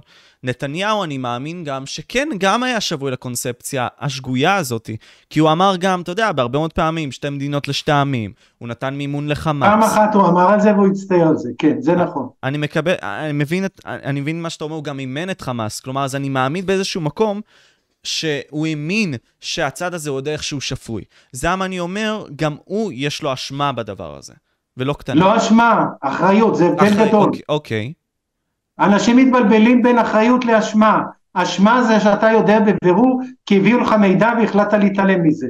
אחריות זה שהביאו לך מידע שגוי, אבל למרות זאת אתה אחראי. הבנתי. אז אתה אומר שהוא נושא חלק באחריות, זה לא בהכרח... כן, נכון, עכשיו יש קביעה, כל ועדות החקירה והחקיקה בישראל קבעו שאם יש לך אחריות שאיננה אישית ישירה, אתה לא צריך להתפטר. זה לא אני קבעתי כל ועדות החקירה שהיו, כולל ועדת החקירה שנוגע לאולמרט, הוא יצא נגד התוצאה, הוא טען שאולמרט כן צריך להתפטר, ועדת החקירה אבל קבע שלא. אמרה, אם אתה כראש הממשלה הטעו אותך, יש לך אחריות, אבל זהו, זה לא דורש לך להתפטר. אגב, עם שרון, סברה ושתילה אמרו, אתה לא ידעת, אבל אתה לא תהיה שר הביטחון, אז הוא נהיה שר אחר, וחזר אחרי זה כראש ממשלה. צריך להבין, יש הבדל בין אחריות לבין אחריות עם אשמה. אחריות עם אשמה זה שהביאו לך מידע ואתה התעלמת או סתרת אותו או לא יודע מה עשית, אבל אם הביאו לך מידע שגוי, אתה לא נושא באחריות ואתה לא צריך להתפטר. זה תוצאה של 15 ועדות חקירה, שעוד היום זה מעוגן בחקיקה, בפסיקה, זה גם עבר המון אה, בג"צים וכדומה, כי לא כולם הסכימו עם ועדות החקירה ששחררו, את גולדה שחררו ודיין, שחררו, ועדת אגרנט שחררה אותם מאחריות. למה? כי הטעו אותם, המודיעין הטעה אותם.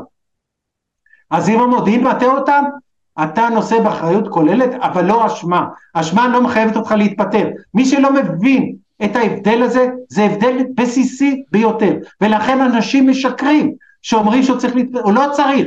ועדות החקירה עד היום, חמש, קבעו וזה עבר אישורים וכל התהליכים המשפטיים, ושמתי לינק, מי שלא מאמין, יש מאמר של השמאל שמסכם את זה, לא שלי, לא חייב להתפטר, לא רק שלא חייב להתפטר, עד היום אף אחד לא התפטר כתוצאה מאחריות כוללת.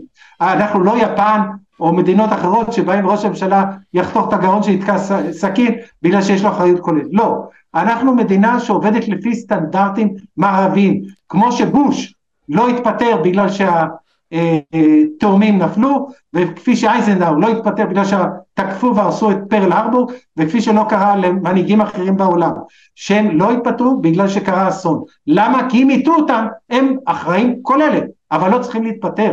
זה הבדל חשוב, ואם לא מבינים את ההבדל הזה, פשוט משקרים לציבור, ואתה גם נפלת לטעות לא. הזאת, שאתה לא מבין אותה. אני- אתה אני- לא מבין שמי שנושא באחריות והטעו אותו, לא חייב להתפטר, וככה זה נכון, ואני מעריך שביבי אוקיי, גם מכיר. אבל אני חייב להגיד משהו שהצופה בוודאות יגיד, ומחילה אבי, כן? אבל אתה נגיד סתם פה נצמדת לעניינים של המערב, אבל כשאנחנו דיברנו על החקר של אותם מחבלים לא נצמדת כל כך. אז, אז, אז, בוודאי שבמקרה הזה אנחנו נמצאים במצב חוקי אחר לחלוטין, מפני שבמקרה הזה שיש לנו בידיים חיות אדם, אז צריך להתנהג אחרת. לפי חוק צבאי ולא אזרחי, זה הבנתי. הכל. אוקיי, יש עוד דבר קטן שאני רוצה להגיד לפני שאנחנו נעבור לנושא לגמרי אחר שלא קשור למלחמה, שזה גם העניין הזה שמצרים או גורמים מצריים בכירים אמרו לנתניהו והזהירו אותו, כך הם טוענים. לא היה ולא נברא עוד שקר סיקריקי של שקרנים סיקריקים, זהו. איך אפשרי להוכיח זאת? כלומר, מה זה, המצרים בעצמם אמרו את זה, שזה השקר. נכון. אוקיי, בסדר. שקר סיקריקי שמכניסים לאנשים בראש את השקרים האלה, וחייבים, חייבים להשתחרר מהשקרים האלה, שהיו שקרים מומצאים על ידי הסיקריקים כדי להפיל את נתניהו. כל השקרים האלה נועדו למטרה אחת. צריך להבין, זה קו שעובר מ-1980 ציינתי, כל הזמן, אנשים, מאות אנשים עוסקים בזה, יצירת שקרים כדי להפיל את נתניהו, גם עכשיו, היום, כל יום. הם עוסקים בזה, רק בזה מעניין אותם, וזה מה שמעסיק אותם, לזה מאספים כסף, והם מקבלים המון כסף, לפי דעתי חלק מהכסף גם מגיע מאיראן ומקטר, וזה מה שמזין את האנשים האלה. וזה שהם לא יושבים בכלא, זה מחדל מערבי אגב. בארצות הברית הם כן היו יושבים, אגב בארצות הברית תפסו המון מחבלים, איפה שמו אותם? בגואנטנמו. למה? שהם לא יהיו תחת שיפוט. של ארצות הברית. מה יש בגואנטנמו? מחבלים. לא, לא, לא, אבל מה. האזור עצמו? כלומר, מה יש שם? וגואנטנמו זה בקובה. זה בסיס אמריקאי בקובה. אוקיי. שם הם שמו אותם, שהם תחת איום של אזור מחוץ לשלטון ארצות הברית. זה, ושנכנס אובמה לתפקיד, הוא רצה שכן יעמידו אותם לדין אזרחי, אבל לא הצליחו. אז בסוף אמרו, יקימו בית דין מיוחד צבאי לשפוט אותם, וזה מה שעשו. זאת אומרת, אפילו בארצות הברית, הכי דמוקרטית, שהם תפסו מחבלים של אל-קאעידה וארגונים אחרים, שמו אותם בגואנטנמו בתנאים של זוועה, יש סרטים על זה, ולא העמידו אותם לדין, ואם כן, אחרי זה העמידו אותם לדין צבאי. אז למה אנחנו צריכים להיות יותר טובים מהאמריקאים? למה? אני מקבל אני את לא מה שאתה. אומר. מקבל את מה שאתה אומר. עכשיו, כן. אני רוצה שנעבור נושא אה, למשהו שקרה לך עם עמית סגל. זה בסדר מבחינתך? על העניין לא הזה? יודע, אבל זה לא רלוונטי עכשיו אני- במלחמה. אני יודע, אני יודע, רק פשוט רוצה לזרוק את זה, כי פשוט גם ביקשו ממני לשאול. עמית סגל תבע- אה, אותך על... אה, נכון, לא רק הוא, שניים תבעו אותי, וכרגע זה נעצר בגלל המלחמה, אז אין מה להתייחס. המלחמה עצרה את כל התהליכים, ולכן אין מה להתייחס. תראה, מה שהיה לפני המלחמה, היה לפני המלחמה. אנחנו נמצאים מתחילת המלחמה במצב אחר לחלוטין. גם מערכת המשפט נעצרה. צריך להבין, יש אנשים במערכת המשפט, לדוגמה, אחד הנאשמים בתיק הצוללות, הבת שלו נרצחה. אז מה, הוא עכשיו יכול להמשיך במשפט בתור נאשם? צריך להבין מה קרה כאן. ביבי, שהוא הנאשם הראשי בתיקי אלפים שממשיכים אותם בניגוד להמלצת השופטים, הוא יכול עכשיו להתפנות למשפט או להעיד במשפט? זאת אומרת, כל המערכות של החשיבה שהיה קודם, צריך למחוק אותן, ליצור מערכת חדשה, הגיונית, לגמרי, אבל זה לא קורה כרגע. זה נכון ש, שיש כמה שופטים שהם בסדר, היה שופט אחד בירושלים שהביאו לו אה, מישהו בהארכת מעצר, ערעור על הארכת מעצר על אחת שתמכה בחמאס, והשופטת שחררה אותה, שופטת לא ממוצע יהודי, ואז זה בא אליו לשופט המחוזי, והוא אמר, מי שתומך בחמאס בזמן הזה, אין שום החלטה אחרת חוץ מהערכה עד תום ההליכים, עם ישראל ממך מחייב, ואי אפשר לקבל שום החלטה אחרת. ככה הוא כתב, שופט מחוזי. אמיץ מאוד, אבל הוא יחיד. אין כאלה הרבה. אז זה צריך מהפך גם במערכת המשפט, שאנשים יבינו שאנחנו נלחמים על החיים שלנו, ולשנות דיסקט, לפי המצב הנוכחי. זה זה- המצב הנוכחי. אני מסכים איתך, זה הזוי שיש חברי כנסת מרע"מ שאומרים שלא היה ולא נברא כל מאורעות השביעי נכון. באוקטובר. מקבל את מה שאתה אומר, כן? ויש דבר... איך הם. חברי כנסת? אני גם לא מבין. אבל זה, זה האבסורד שאנחנו נמצאים בו.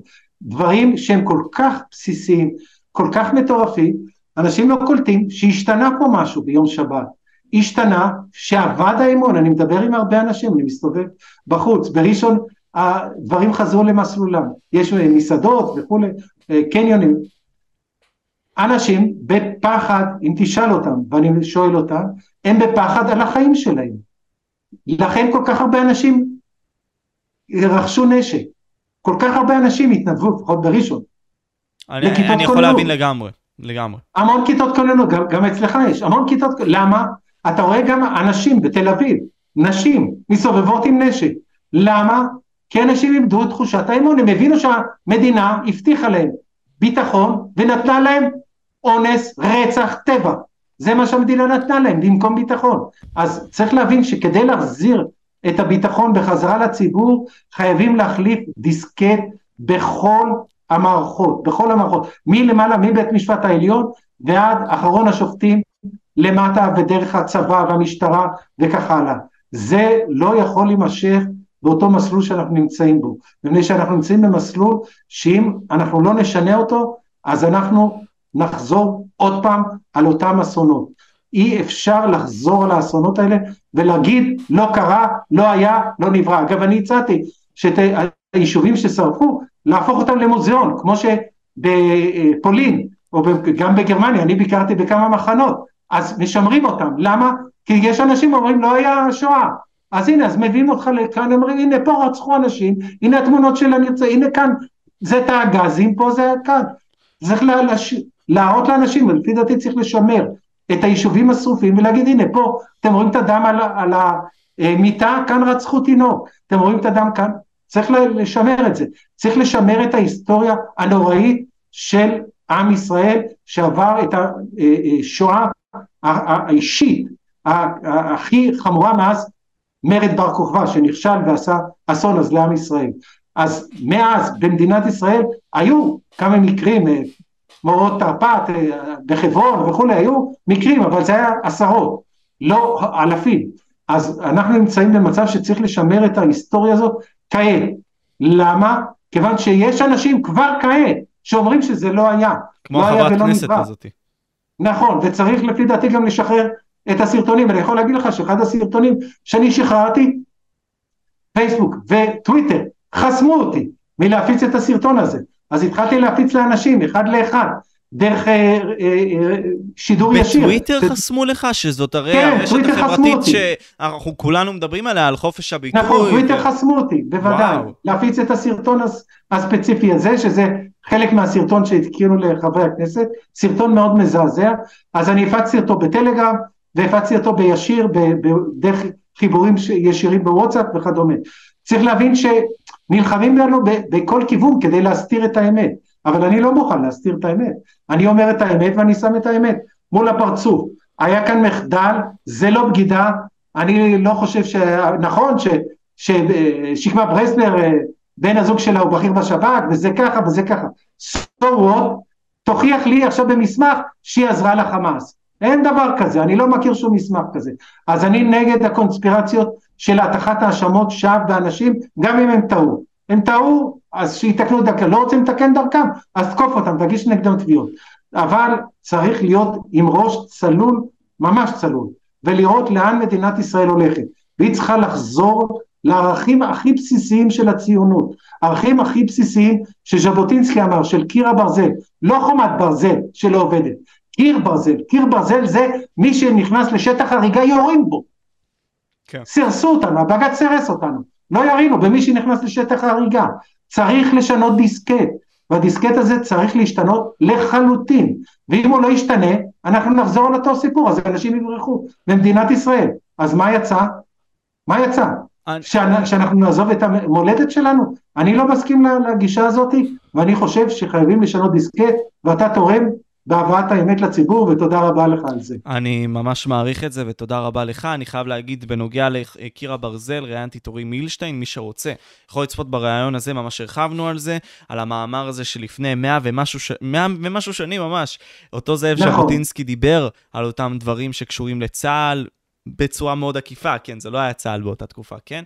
אבל נכון. על, על, על העניין של ההגנה עלינו. אני חייב להגיד דבר מסוים, כן? כי העלית את זה, אה, פשוט הרמה להנחתה, וזה נראה לי גם יהיה הנושא האחרון שקשור למלחמה. אני אומר, אה, יש את הבקצות, בקצוקרטיה שאנשי הימין אומרים, כן? אה, וכל העניין הזה של בית המשפט העליון והכל. היום, איפה אתה רואה בהתנהלות שלו במלחמה, איך הוא עומד, מה הוא עושה, והאם בעצם... 40 עתירות של המחבלים הוגשו לבג"ץ והם לא זרקו אותם. אתה מתאר לעצמך? מה זה? במקום לזרוק את כל ה-40 עתירות האלה, הם עכשיו מאלצים את צה"ל להשיב. ובאחד העתירות שהם דנו בה, אילצו את צה"ל להשיב, שישיב שהוא לא יפציץ את בית החולים. זאת אומרת, נחשף גם מידע צבאי לאויב, בגלל הבג"ץ הזה. זה דבר שלא ייאמן. זאת אומרת, הבג"ץ כאילו בשלו ממשיכים, לא קרה כלום. כלום. לא קרה, כשלא קרה כלום, המחבלים, אין להם זכות עמידה, הם לא תושבי מדינת ישראל, דרך פרוקסי שלהם, כל מיני עמותות הזויות, מגישים בג"צים נגד צה"ל, היום, במלחמה, היום, היום, 40 הגישו, לא אחד. מה אתה יכול להשיב על זה? זה מטורף. הטירוף ממשיך. איך הוא ממשיך? כי מרשים לו להמשיך.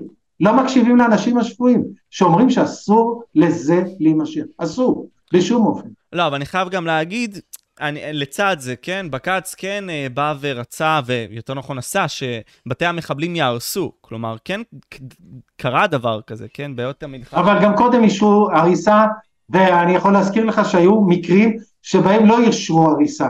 אפילו בחווארה עם המחבל שתלה את התמונה, אז הדחפור הרס ככה בלי להתחשב בזה. אז אה, צריך להבין שגם היום, גם היום מגישים בג"צים נגד הריסת בתי מחבלים, והתמונה היא לא חד משמעית. עצם העובדה שמרשים להם להגיש בג"ץ במצב הזה, היא החרפה. אין לאנשים זכות עמידה. נותנים לאנשים שאין להם זכות עמידה, זה חלק מהברדק. שיש אנשים בלי זכות עמידה, שהם מדברים בשמם של, של אחרים. זה צריך לחסל את זה, אין שום מדינה בעולם שהבג"ץ זה ערכאה ראשונה לדיון, זה צריך להיות רק ערכאת ערעור, וזה דבר שנולד בישראל כתוצאה מהמהפכה של ברק, אני לא אחזור, והמהפכה של ברק הובילה לתפירת התיקים וכולי. אז אם לא נחסל את התופעות האלה, וכרגע לא מחסלים, זה יימשך. ולצערי, חלק מהציבור בכלל לא קולט את הקשר בין הדברים, אז זה, זה הכל שרשרת אחת. ברגע שאתה נתת זכות עמידה, אז המחבלים יכולים להגיש בג"ץ. זה הכל. האנשים לא קולטים שזה הקשר. עכשיו, זה שרצח אותך, מגיש בג"ץ, שלא תיגע בו. והבג"צים חושפים מידע גם לאויב, כך אתה גם טוען. וגם הבג"ץ מביא מידע לאויב, נכון. אוקיי. לא באופן ישיר, הוא מאלץ את, את. הצבא להשיב. כן. כן. זה באופן עקיף, אבל צריך להבין מה התוצאה של הדיונים האלה. התוצאה של הדיונים האלה זה חמור מאוד. היה צריך במכה אחת את כל העתירות האלה לזרוק לפח, להטיל עליהם עשרת אלפים שקל על כל עתירה, ואז הם לא היו מגישים יותר. זה הכל. אבל זה לא ככה נעשה. למה? אני לא מצליח להבין.